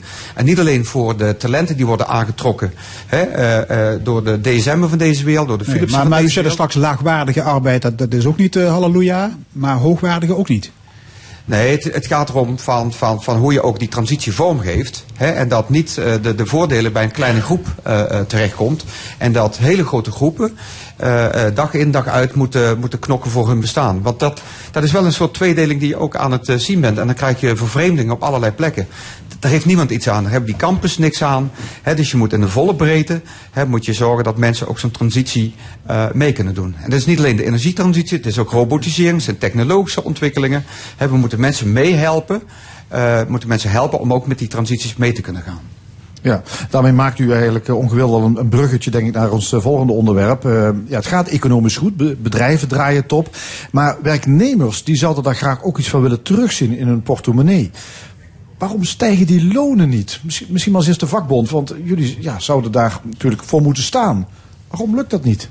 Ja, eh, dat, dat heeft verschillende redenen. Daar kan ik, daar kan ik uren over praten. Nou, die tijd heb ik hier niet. Probeer het dus in, eh, in een minuut. Eh, maar wij staan natuurlijk ook als vakbonden zijn wij ten opzichte van de jaren 70 ook een stuk zwakker geworden. In die zin hè, dat we minder onderhandelingsmacht hebben. Vele arbeidsmarkten die zijn ook gefragmenteerd geraakt. Hè, dus je ziet met allerlei soorten groepen werknemers die ook soms tegen elkaar worden uitgespeeld. En ehm, ja, ik, ik denk dat... dat Wat er dat- veel ZZP'ers zijn bijvoorbeeld? nou, de structuur van de economie is, is, is wel degelijk veranderd. Hè? Ook, ook de, de aard van de, van de werkgelegenheid. En dat is, eh, dat is geen makkelijke eh, situatie. Ehm, hè, en daarom ben ik ook blij met de oproep eh, van, van zelfs, zelfs werkgevers die zeggen dat het ook wel een tandje meer mag. Ja, want ja, mensen begrijpen het niet. Hè. Mensen zien van, ja, het gaat toch goed met de bedrijven. En ik zie het nauwelijks terug op mijn loonafschrift. Ja. Be- Begrijpt u die onvrede? Nee, we zijn het er helemaal mee eens. En ik vind tot... eh Je tot spe- eh, zit hier namens de werkgevers, hè? Ja, ja, ik zeg, Ja, ja. maar ik ben het er helemaal mee eens. Ik vind ook dat Van Baden zich tekort doet om te zeggen, ja weet je, onze positie en CAO-onderhandelingen, de reële lonen vanaf 2008 tot nu zijn gelijk op gestegen met de arbeidsproductiviteit. Alleen het, bes- het besteedbaar inkomen van een medewerker, dat loopt schrikbarend terug. Sinds 2008 zijn de collectieve lasten, waar wij met z'n allen belasting voor betalen, met 3000 euro netto per werkende per jaar gestegen. Dus onze overheid, onze verzorgingsstaat, is per werkende 3000 euro netto duurder geworden sinds 2008. Ja, dus dat, is, dat heeft niet te maken dat de vakbonden hun werk niet goed hebben gedaan of dat de werkgevers te krenterig geweest zijn. Het heeft te maken met het feit dat wij een overheid hebben, een, een, een, ja, een overheid hebben die eh, zoveel duurder is geworden. Dat Ja. één. En ik ga, u, ik, ga, ik ga u meenemen in één voorbeeld. De overheid zegt tussen het loonbriefje van december en het loonbriefje van januari, daar zit een fiscaal eh, voordeel in. Nou, dat hebben ze berekend voor iemand die minimumloon verdient 36 euro netto per maand. Dus als je met twee man werkt en je hebt één kind, dan ga je, dan ga je er ongeveer 900 euro per jaar op vooruit. Nou, de energiekosten stijgen met 360 euro per jaar. De btw-verhoging eh, is, 300, is becijferd op 300 euro per jaar. En de zorgpremie, zeg maar twee man en één kind, een tientje eh, per maand per, eh, per persoon, is ook 360 euro. Dus dat betekent dat in plaats van dat mensen erop vooruit gaan met minimumlonen, de mensen erop vooruit gaan, die gaan er gewoon 100, 160, 170 euro op achteruit. Dat is iets wat dat bedenken niet de werkgevers, dat bedenken niet de, werk, eh, de, de vakbonden. Dat is een gevolg van het stelsel. En dat moet volgens mij op de school. Ik mag wel nog even, hè, want eh, ik, Onverbaden, ik ja. wil mezelf FNV. nooit eh, graag tekort doen. Ehm, maar wat, wat ik wil aangeven, hè, we hebben onlangs na, na heel veel maanden strijd hebben we een CO afgesproken in de met-elektro-industrie. met, met uitstekende loonsverhogingen.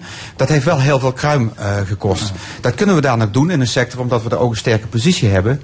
We hadden het zojuist ook over bijvoorbeeld de distributiecentra. Daar hebben we veel mindere positie. En om daar positie op te bouwen, dat, dat, daar gaat nog wel tijd overheen. Dus, dus als je bij dat gemiddelde blijft, dat, ja, dat is allemaal wat minder. Ik ben het helemaal eens van, eh, ja, als je kijkt naar wat eh, mensen uiteindelijk in de portemonnee overhouden. Ja, dat is gewoon schrikbarend eh, weinig in ieder geval. Maar, maar er zit toch ook heel veel geld bij die bedrijven? Ik lees toch altijd dat het kapitaal toch terechtkomt Ja, bij de aandeelhouders? Maar absoluut. We moeten ook weer, hè, die oude discussie van, van, van, van inkomensverdeling. Die thema's die moeten eigenlijk wel weer echt op tafel. Als we kijken Kortom, hoe... u moet de barricades op. Altijd. Eh, en als het gaat over wat, eh, wat, wat kapitaal op dit moment doet, heel veel eh, belasting wordt ook nog gegeven over arbeid. Veel minder over kapitaal. Dat mag ook wel een keer weer aan de orde gaan komen. Financialisering van bedrijven. Hè, ze kijken veel meer naar die financiën. Die sociale agenda. Het is, ja, vorige week kwam ook zelfs VNO-NCW kwam met dat punt kwam gewoon terug. Die sociale agenda die moet terug. Ook in de boardrooms van die bedrijven. En ja, daar moeten we de barricade mee op. Ik weet niet of we dat samen moeten doen. Samen, hè? Ook in de CAO. Volgens mij bent u toch namens een vakbond. U, u zou toch voor die werknemers moeten staan? Wij staan voor die, werkge eh, wij staan voor die werknemers, maar ook bij die werkgevers is het nodig hè, dat het gevoel voor die arbeidsverhoudingen, om sterk te zijn, dat we hier ook een, een land moeten opbouwen hè, waar we ook graag willen leven. En dat is een gezamenlijke verantwoordelijkheid. Dat we daarnaast een robotje moeten vechten, ook in CAO-onderhandelingen met loonsverhogingen, die moeten hoger en daar zullen we ook voor staan. Ja. In het kader van dat C-akkoord eh, bij, eh, bij de metal-elektro-sector. ehm, een rechter heeft een staking verboden bij VDA Netcar. Wat vond u van dat verbod? Eh, dat, dat was schandalig. Het was echt groot schandalig dat dat gebeurde. Dat een rechter zich bemoeit met een grondrecht van werknemers. Om je te kunnen organiseren, om actie te kunnen voeren. Die rechter die heeft uiteindelijk heel opportun heeft hij gekeken naar een aantal zaken die daarin speelden. En die heeft gewoon het hartstikke verkeerde besluit genomen. Meneer Brown, Limburgse Werkgeversvereniging. Ik ben, eh, ik ben wel de voorzitter van de Limburgse Werkgeversvereniging, maar ik ken het do- eh, dossier van Netcar niet, eh, niet tot in de, det- in de details. Maar ja, kijk, je kunt ook zo lang staken bij een bedrijf dat, de, dat er een discontinuïteit vraagstuk gaat plaatsvinden. En dat volgens mij was bij Netcar. De opdrachtgever maakte zich grote zorgen omtrent de, de, de, de, de leverbetrouwbaarheid en, en aantallen. Ja, Ja, en want BMW dreigde met afhaken. Ja, maar kijk, natuurlijk, we hebben een grondrecht. Eh, staking geboord tot de, Ja. tot de, tot de Vindt u dat dat stakingswapen te vaak wordt ingezet? Eh, ik vind dat het te, te lang bij, eh, bij één bedrijf eh, achter elkaar is ingezet. Oké. Dus, dus even naar Netcar. eh, dat bedrijf is, eh, is eh, lam ges- gestaakt. En je ziet dat uiteindelijk een rechter zegt... ja, maar dit is ook niet meer reëel om één bedrijf zo te treffen... gegeven het feit dat daar een opdrachtgever achter zit... die zoveel druk op de ketel eh, eh, veroorzaakt. Maar voor de rest vind ik... staken is een... Is een dat, dat hoort bij ons bij het, bij het grondrecht. Hè, bij de, dus dat, dat mag. Ehm met dien, met dien dat het ook het doel eh, eh, eh, eh, nastreeft om arbeidsvoorwaarden te verbeteren. Hoe denkt u als werkgever over de Ehm, ik zou me geen eh, samenleving kunnen voorstellen zonder eh, vakbeweging. Ik heb dat ook al eens eerder in de krant gezet. Ehm, eh, een- een- de samenleving, u, u zei dat net eh, eh, eh, o- over, ja, maar de, de bonden zijn, zijn toch werk, werknemersverenigingen en, de, en, en wij zijn de werkgeversvereniging. Nee, we hebben samen een, een opdracht om een maatschappelijk klimaat te organiseren in Nederland waar het voor alle partijen eh, goed toeven is. En in die zin kan ik me, kan ik me geen samenleving voorstellen zonder een eh, goede werk, Als, als u werknemersverantwoordelijkheid. s'avonds met uw vriend in het café zit, vertelt u dan hetzelfde verhaal? Absoluut, maar ik vertel het hier toch voor de radio. Oké. Ik zet het in de krant. En eh, dus eh, dit is. eh, U wordt alleen nog lid van de FNV. ja, ik ik ben wel eens ooit een rode rakker genoemd, maar dat ben ik toch echt niet. Ik ben gewoon een Meneer ondernemer. Van Baarden, waarom zijn steeds minder mensen lid van de vakbond? En hoe valt het tijd te keren? Nou, dat, het steeds, dat steeds minder mensen lid worden van vakbond is, een gevolg van die ontwikkelingen waar ik zojuist over had. Met individualisering, ook met financialisering van bedrijven, fragmentatie van arbeidsmarkten.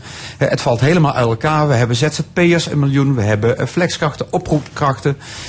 Daar moeten we dus ook onze pijlen meer op gaan richten. Hè. We moeten ook veel meer een, een collectief verhaal van wat, in in wat voor soort land we willen leven. Hè. We moeten Nederland echt wel een stukje socialer gaan maken. Die boodschap, hè, als je nu ook kijkt naar, eh, naar jongeren die zich sterk maken voor het, eh, voor het klimaat. eh, dat, dat zal ook altijd aanwezig zijn. En het, besef dat je dat ook samen met elkaar kan doen. Ja, daar moet iedereen ook van, eh, van doordrongen zijn. En dat is gewoon keihard werken, iedere keer weer.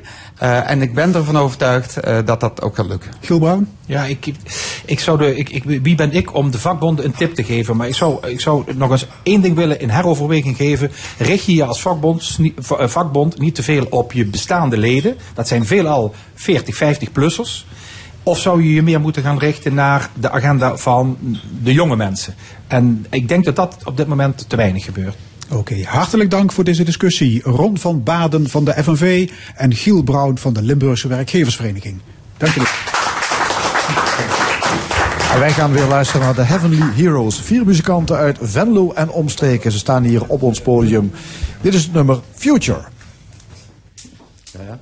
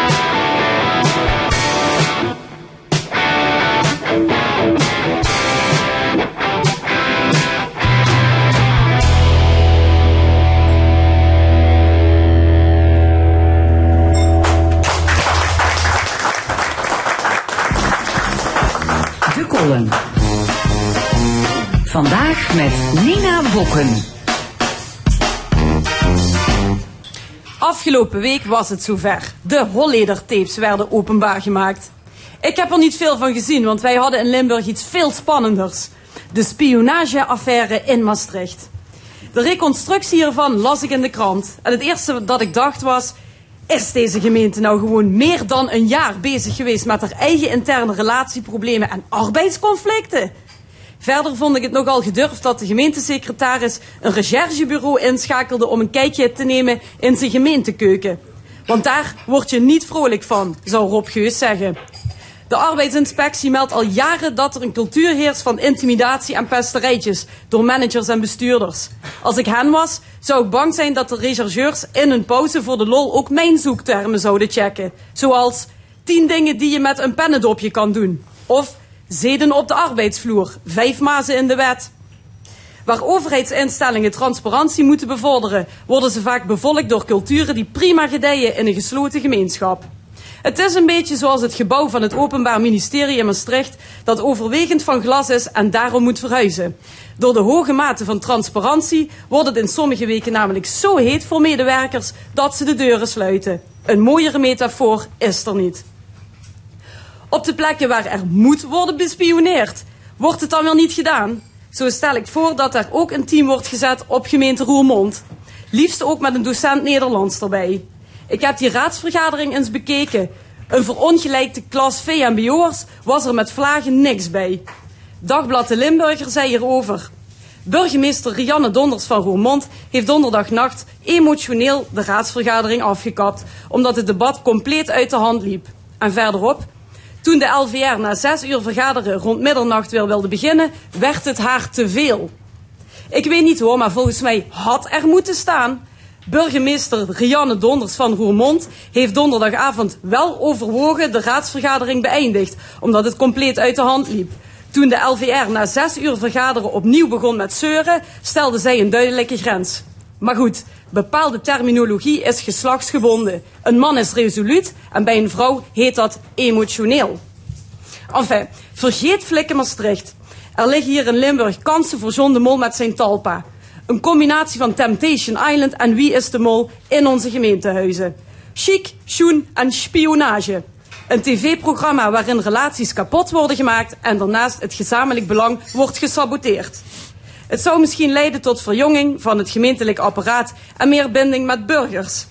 Over het algemeen stamt de gevestigde orde in gemeentes uit een tijdperk dat Chroom 6 nog goed was voor je weerstand en een afwasmachine nog gewoon een echtgenote heette.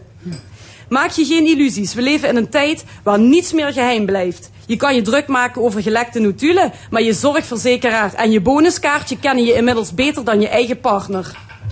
Waar gemeente Maastricht een recherchebureau inroept, hackt je 13-jarige neefje voor de lol het intranet van justitie.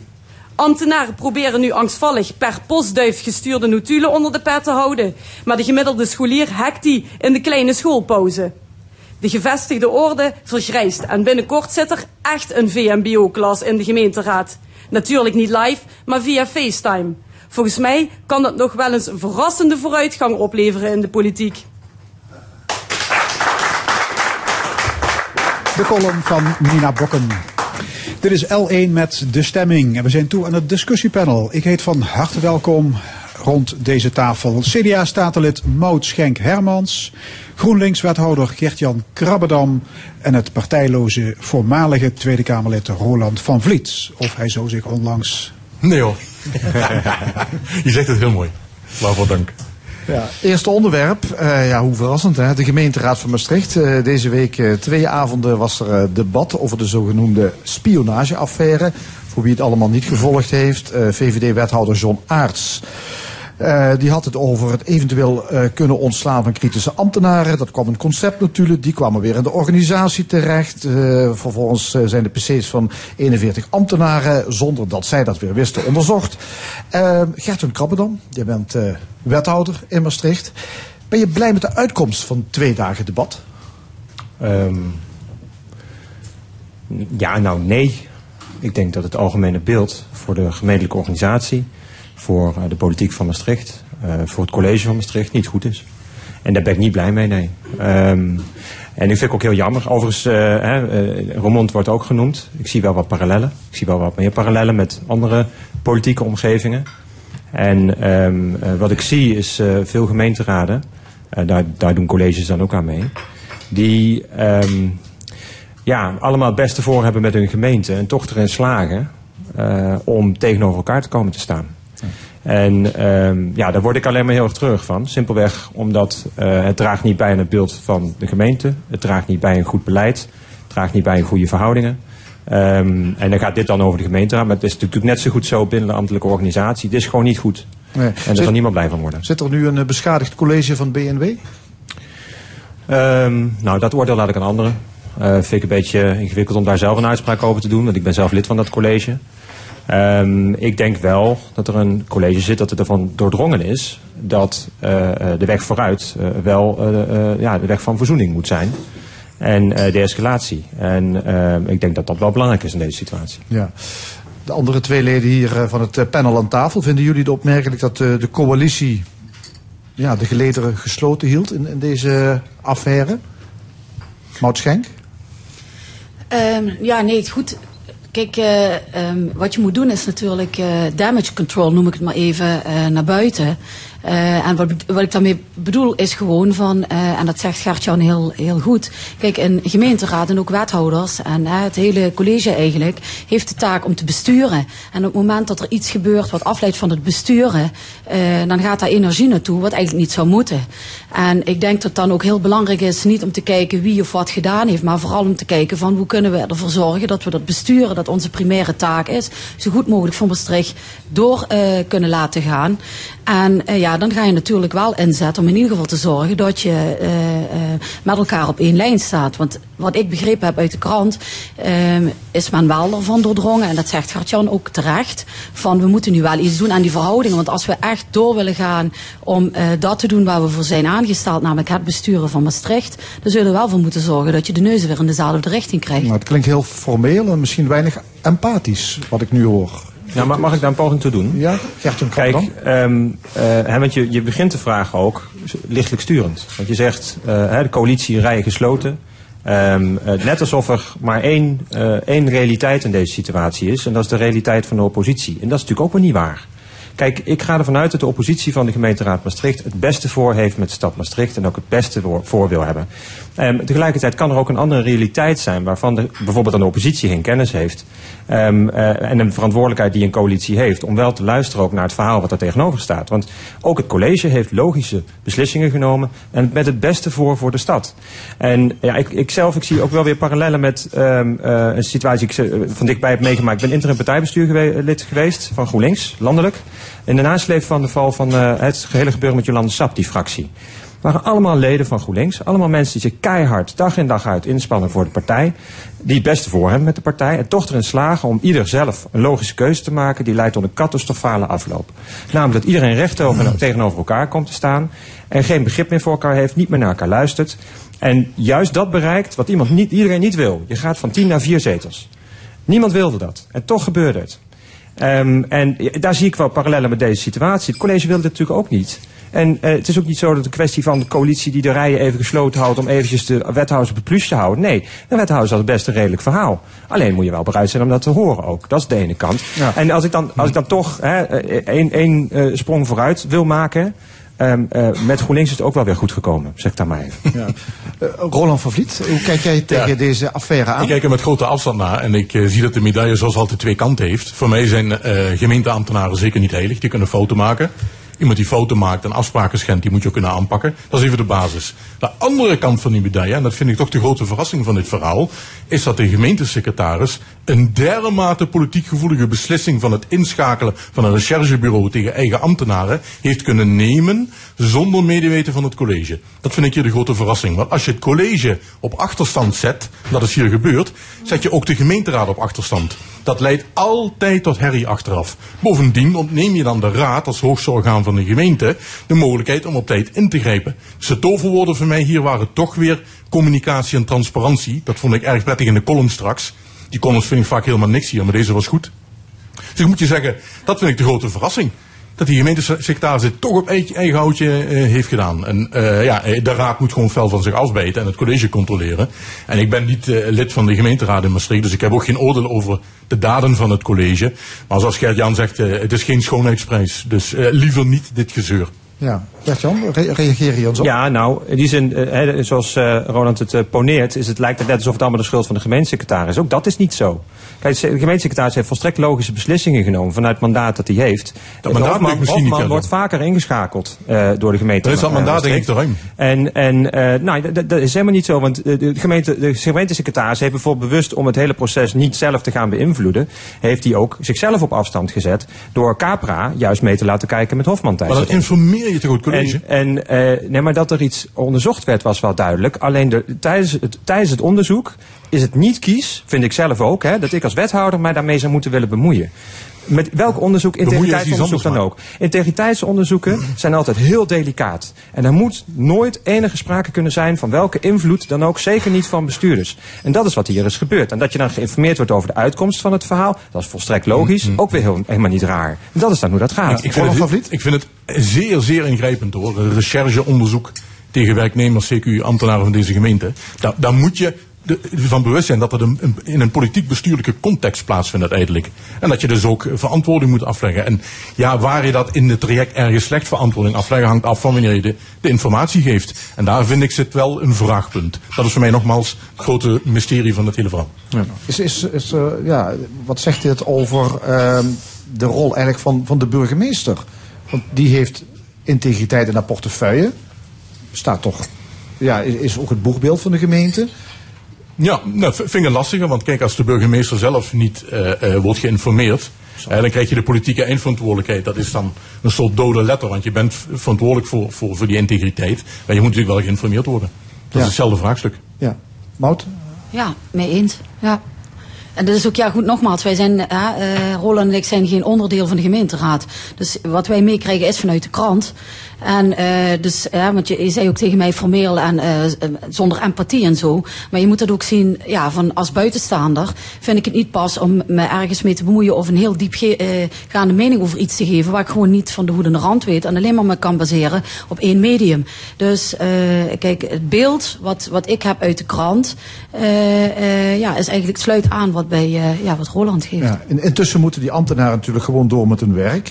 Eh, wat, wat betekent dit eigenlijk voor, ja, voor de sfeer, voor het, eh, ja, de, de kwaliteit misschien wel van het werk dat geleverd wordt, gewoon in zijn algemeenheid? Want dit heeft wel invloed natuurlijk. Ja, ik, ik leg mijn oren hierna natuurlijk ook te luisteren. En wat ik hoor is dat voorbij uh, menigeen wel het gesprek van de dag is. En ook tot vragen leidt. Hè, van, dit- eh, net zoals in de column ook. Dat het nergens anders over gaat. Eh, eh, ja. Nou ja, dat weet ik niet. Ik, thuis. ik zit natuurlijk niet bij alle gesprekken. Maar ehm, kijk, die, die ambtenaren, die, ook die hebben het beste voor met de stad en met de organisatie. Die willen gewoon hun werk goed doen. Die steken eer en tijd in hun werk. En daar verdienen ze ook respect voor.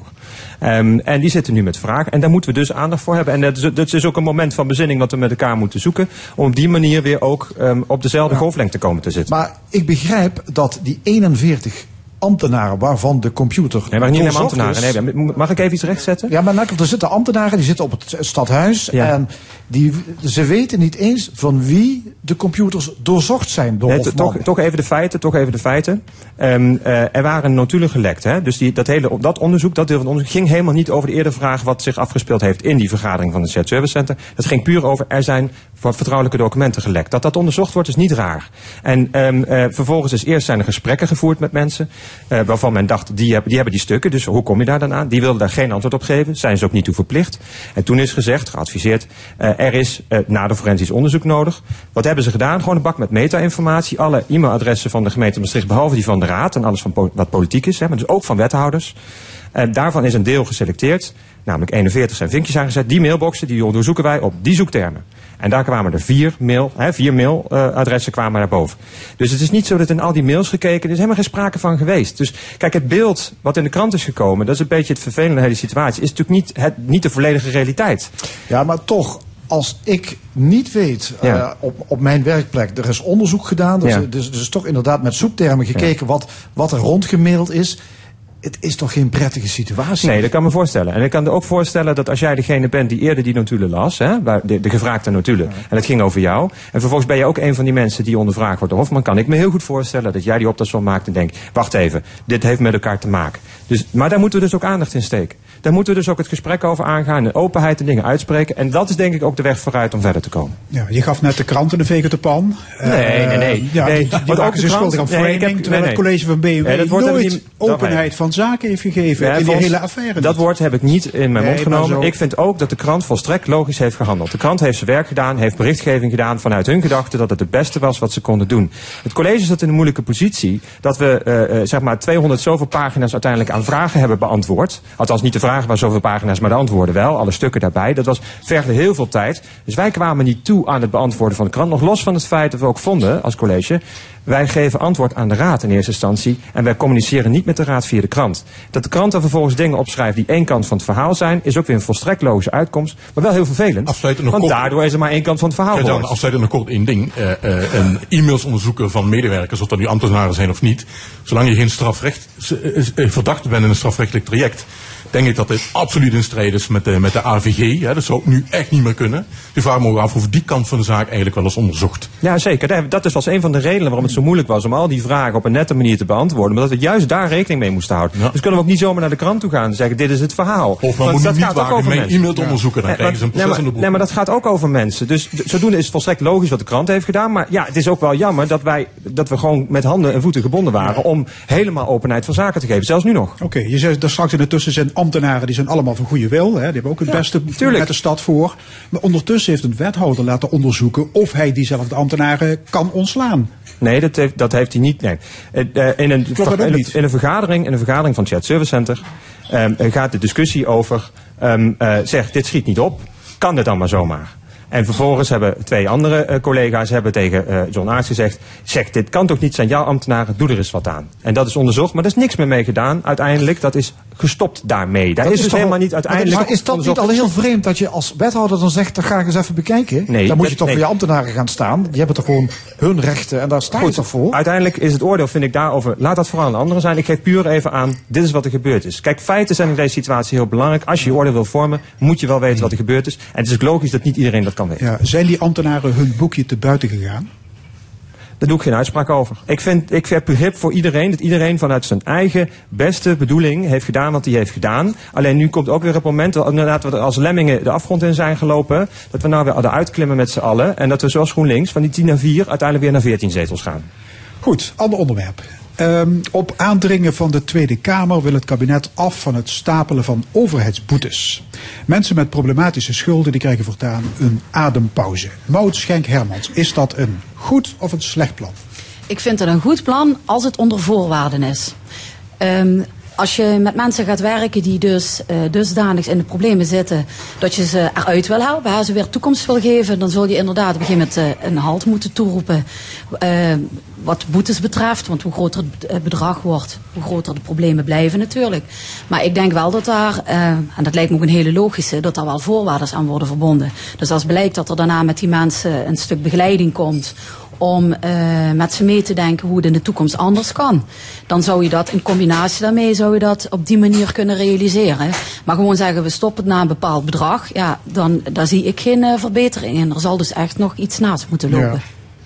Ehm, of is dit een bonus op eh, wanbetaling en financieel wanbeheer, Roland van Vliet? Nou, ik denk, eh, in Den Haag heb ik begrepen hoe ze er tegenaan kijken dat het dat juist niet mag worden. Dus ik, ik vertrouw erop dat daar waarborgen tegenkomen. In die zin vind ik het goed dat er naar gekeken wordt. Ik zeg er wel bij, iedere burger houdt zijn eigen verantwoordelijkheid. Als er een envelop op je deurmat valt met CJIB erop, ook al zit je in de problemen, je zult burgers moeten doordringen van het besef dat ze die envelop moeten openmaken en moeten lezen. En daar ligt jouw eerste contactmoment. Dat is Ja. wel je eigen Ja, verantwoordelijkheid. ik heb begrepen dat bij Boetes- verkeersboete wordt de, wordt de boete al bij de tweede aanmaning Ja. wordt die drie keer zo hoog. Je hebt er wel bericht van gehad. Ja, dus- maar kijk, eh, dan, ga je toch even volstrekt voorbij aan het feit dat eh, er mensen zijn die zodanig in de shit zitten.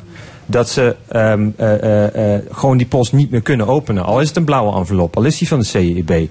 Dat, dat, dat kunnen ze gewoon. Dit, dit is een soort van afschakelmoment in die mensen hun hoofd. Het is ook bewezen, hè, de onderzoek waaruit blijkt dat de armoede leidt, leidt bij mensen tot aantoonbaar slechtere beslissingen. En het is puur omdat je zodanig bezig bent met overleven, met, met die armoede, om daaruit te komen, dat je gewoon niet meer in staat bent om je denkvermogens te gebruiken. Maar waar voor je de, waar je de Jan? Ja, dat is ingewikkeld. Maar als je zegt van mensen moeten die envelop maar openen, toon je bijzonder weinig empathie voor het feit dat die mensen het niet anders kunnen. En, en ehm, daar moet je dus naast mensen gaan staan. En het, het lastige aan de hele kwestie is natuurlijk, heeft, iedere gemeente heeft daar problemen mee. Hoe vind je die mensen nou voordat het zodanig misgelopen is? Maar je kunt je ook afvragen, hoe rechtvaardig is het dat als je ergens een aanmaning voor krijgt, dat je, zelfs al is het maar een boete van 50 euro, dat meteen de eerste aanmaning al meteen driedubbel is, dat je naar 150 gaat. Enzovoort, enzovoort, enzovoort. En die mensen die hebben vaak maar 50 euro leefgeld in de week met een heel gezin. Ja. En als je Dus, geen ja. 200 euro hebt, dan kun je ook geen 600 euro betalen. Ja, kijk, maar Dus ik kan natuurlijk plat relativeren. Je kunt ook zeggen, als mensen niet door het rood rijden, krijgen ze ook geen boete. Dat is natuurlijk ook zo. Maar Nee, maar goed, kijk, dat, dat is een, soort, soort klassische. Als je weinig geld hebt, hoef je de straf niet te betalen die een ander wel krijgt. maar dat of als je veel niemand? geld hebt, moet je meer betalen. Dat is het Finse systeem. Maar we leven hier in Nederland, deze regels zijn democratisch afgesproken. Je kunt empathie hebben voor die mensen. Daarom zeg ik ook, het is goed dat je ernaar gaat kijken op deze manier. Maar kijk opnieuw waar je ergens in het traject die knip legt, zodat er niet weer dadelijk door een horizonloze bepaling geweldig misbruik gemaakt van gaat worden en het wel een bonus wordt. Dat is eigenlijk mijn standpunt. En zeker ben ik het met je eens dat je naast die mensen moet staan, omdat het ze uiteindelijk niet helpt. En dan wordt het voor de hele maatschappij en voor die mensen zelf een veel groter probleem. Dus daar heb je mee mee. Ja, want er zijn heel veel kosten die we erin moeten steken als gemeentes zijn, zeg maar, om die mensen voor uit de schulden te helpen. En wat, wat gemeentes nu deels hè, plukjes gaan doen, ook de gemeente Maastricht kijkt daarnaar, is of je mensen hun schulden dan kunt opkopen. Maar ja, is, dan kun je je ook afvragen, is dat nou een oplossing voor het probleem? Ja, wel even voor de korte termijn. Dan moet er ook meteen hulpverlening opgezet worden om die mensen weer te helpen weer hun denkvermogens te gebruiken voor verstandige beslissingen. Ja, veel huishoudens hebben problematische schulden. Ehm, je begint je af te vragen langzamerhand, kan modaal Nederland nog wel rondkomen? Van Vliet. Oei, dat is wel een hele bouwde vraag. Ik denk dat er niet één, één antwoord op mogelijk is. Er zijn veel huishoudens die daar moeite mee hebben. Dat eh, geef ik uiterlijk toe. Dat komt enerzijds eh, door de economische situatie waar ze zelf in zitten. En anderzijds door kabinetsmaatregelen of bezuinigingen op bepaalde vlakken. Eh, de verzorgingsstaat is natuurlijk voor een deel afgebouwd de laatste tientallen jaren. Dat, dat speelt mee. Ja, niet iedereen heeft gelijke kansen in de maatschappij. Of sommigen benutten hun kansen niet. Ik kan daar echt niet één antwoord op geven. Nou goed, wat ik heel erg mis ehm, is, eh, en dat zou, ik, ik ben niet voor om alles maar bij het onderwijs neer te leggen. Ik ben juist degene die zegt zo vaak mogelijk van mijn bed eh, houden. keer wel? Je Deze keer wel. Want wat ik gewoon merk is eh, dat heel veel mensen gewoon uit onkunde of onwetendheid zichzelf in de problemen brengen. En als we nou een stukje zouden gewoon in het onderwijs, en ik weet dat wordt met projecten gedaan, en dan gaat het over hoe ga ik met mijn geld om en wat van die spelletjes een paar keer en klaar.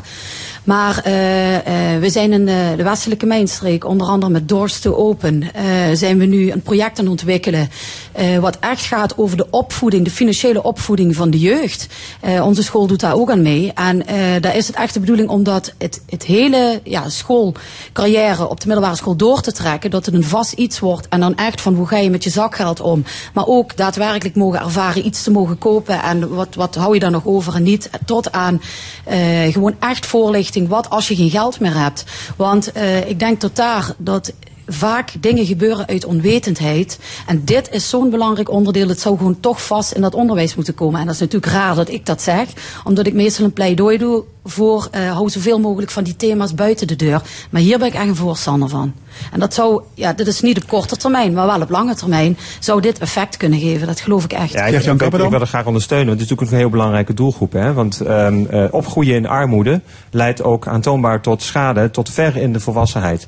Dus eh, als we al ergens prioriteit in steken in het, eh, in het zo, groot, zo ver mogelijk verminderen van armoede. Want ik vrees dat het nooit gaat lukken om het helemaal uit te bannen. Maar we moeten ergens beginnen. Dan zou ik echt beginnen bij de gezinnen en bij kinderen. Eh, want wat het met kinderen doet, dat dragen ze de rest van hun leven mee. En daar hebben ze last van. En ook dan uh, uh, krijgen ze weer uh, minder kansen. Die pakken ze niet, ze doen niet de juiste opleiding of ze maken andere fouten. Puur omdat ze die last meedragen van die armoede in hun jeugd. dus ik onderschrijf dit volledig, wat, wat zegt. Deze week kwam het in de gemeenteraad voor Roermond tot een felle aanvaring tussen raadslid Jos van Rij en burgemeester Rianne Donders. Het filmpje daarvan is op de website van L1 te zien. Ja, wat vonden jullie van deze clash? Ronald van Vliet. Ik, ik kan moeilijk mevrouw Donders afvallen. Zij is de burgemeester en de regisseur daar. Van uh, voorzitter van de gemeenteraad in actie. En dat betekent dat zij ook die hamer kan hanteren. En als het een keer genoeg is, moet je dat als voorzitter kunnen zeggen. En als je het van een afstandje bekijkt en je stelt de vraag... beperkt zij hier de democratische rechten van het gekozen gemeenteraadslid meneer Van Rij? Is mijn antwoord nee. Dus ik, ik heb niks tegen Van Rij, begrijp je helemaal niet verkeerd. Maar ik kan de, het optreden van de burgemeester hier uh, goed begrijpen. Ja, wat was eigenlijk de aanleiding? De aanleiding, ja, die heb ik even opgezocht. Dat, want dat stond niet bij het artikel, vond ik wel bijzonder vreemd. Dat het eigenlijk alleen maar lijkt te draaien om een clash tussen de burgemeester en Jos van Rij. Terwijl, uh, dit is net een uitvergroting van, van de sensatie als het ware. Dat vond ik raar. Dus ik ben zelf even gaan kijken, waar ging het debat nu eigenlijk over? Het ging over de mate en in hoeverre gemeenteraadsleden zomaar rond mogen banjeren over de kantoren van de ambtenaren. En het antwoord daarop in Roermond is dus nu nee. Althans, die, die kant gaat het op. En daar is uh, de, de, de partij van meneer Van Rij niet zo geporteerd en gecharmeerd van, omdat ze kennelijk dat nog wel graag deden. Eh, ga ik dan even vanuit. Dat is dan de kern van het verhaal. En als je dan afvraagt, die is dan wel weer logisch dat, dat eh, in Limburg alleen maar dat laatste fragment erbij haalt. Maar ja, wat, wat boeit dit nou de, de inwoner van Roermond? Of de inwoner van Limburg nou, die hele discussie? Waar maken ze zich nou een vredesnaam druk om? Nou, ook daar kun je dan wel een mooie boom over opzetten. Dit gaat in zekere zin ook over integriteit. En en over dat de burgemeester hier een normaal optreden had? Ik vond dat de burgemeester, ik vind ook dat vind ik ook raar, hoe zij dan ge, ge, zeg maar geframed wordt. En in dit geval vind ik dat wel kwalijk. Als vrouw en emotioneel, dat vind ik echt kwalijk. Want zij heeft hier gewoon als een sterk voorzitter opgetreden. Het mag maar eens een keer basta zijn met af en toe raadsleden die zich niet laten leiden door wat de voorzitter zegt. Maud Schenk Hermans? Ja, mee eens. Op een gegeven moment als, als de maat vol is, waar het ook over gaat, dan zul je, je bent voorzitter, dan zul je moeten ingrijpen. Was het gedrag van Jos van Rij onbetamelijk? Nou, laat ik het zo zeggen. ehm, ik, ik vond op een gegeven moment, het loopt dan uit de hand. Hè, dat, dat woord wordt dan ook gebruikt, dat zinnetje wordt ook gebruikt. En wat ik gewoon jammer vind, is dat u stelt al de goede vraag, waar ging het eigenlijk over? En de beeldvorming naar buiten is, daar maak ik me best wel zorgen over. Want dat zie ik dus vaker. Hebben we vandaag twee thema's. Dan gaat het over beeldvorming in de politiek. Heel veel mensen weten op een gegeven moment niet meer waar het over gaat. Maar weten wel dat er een clash is.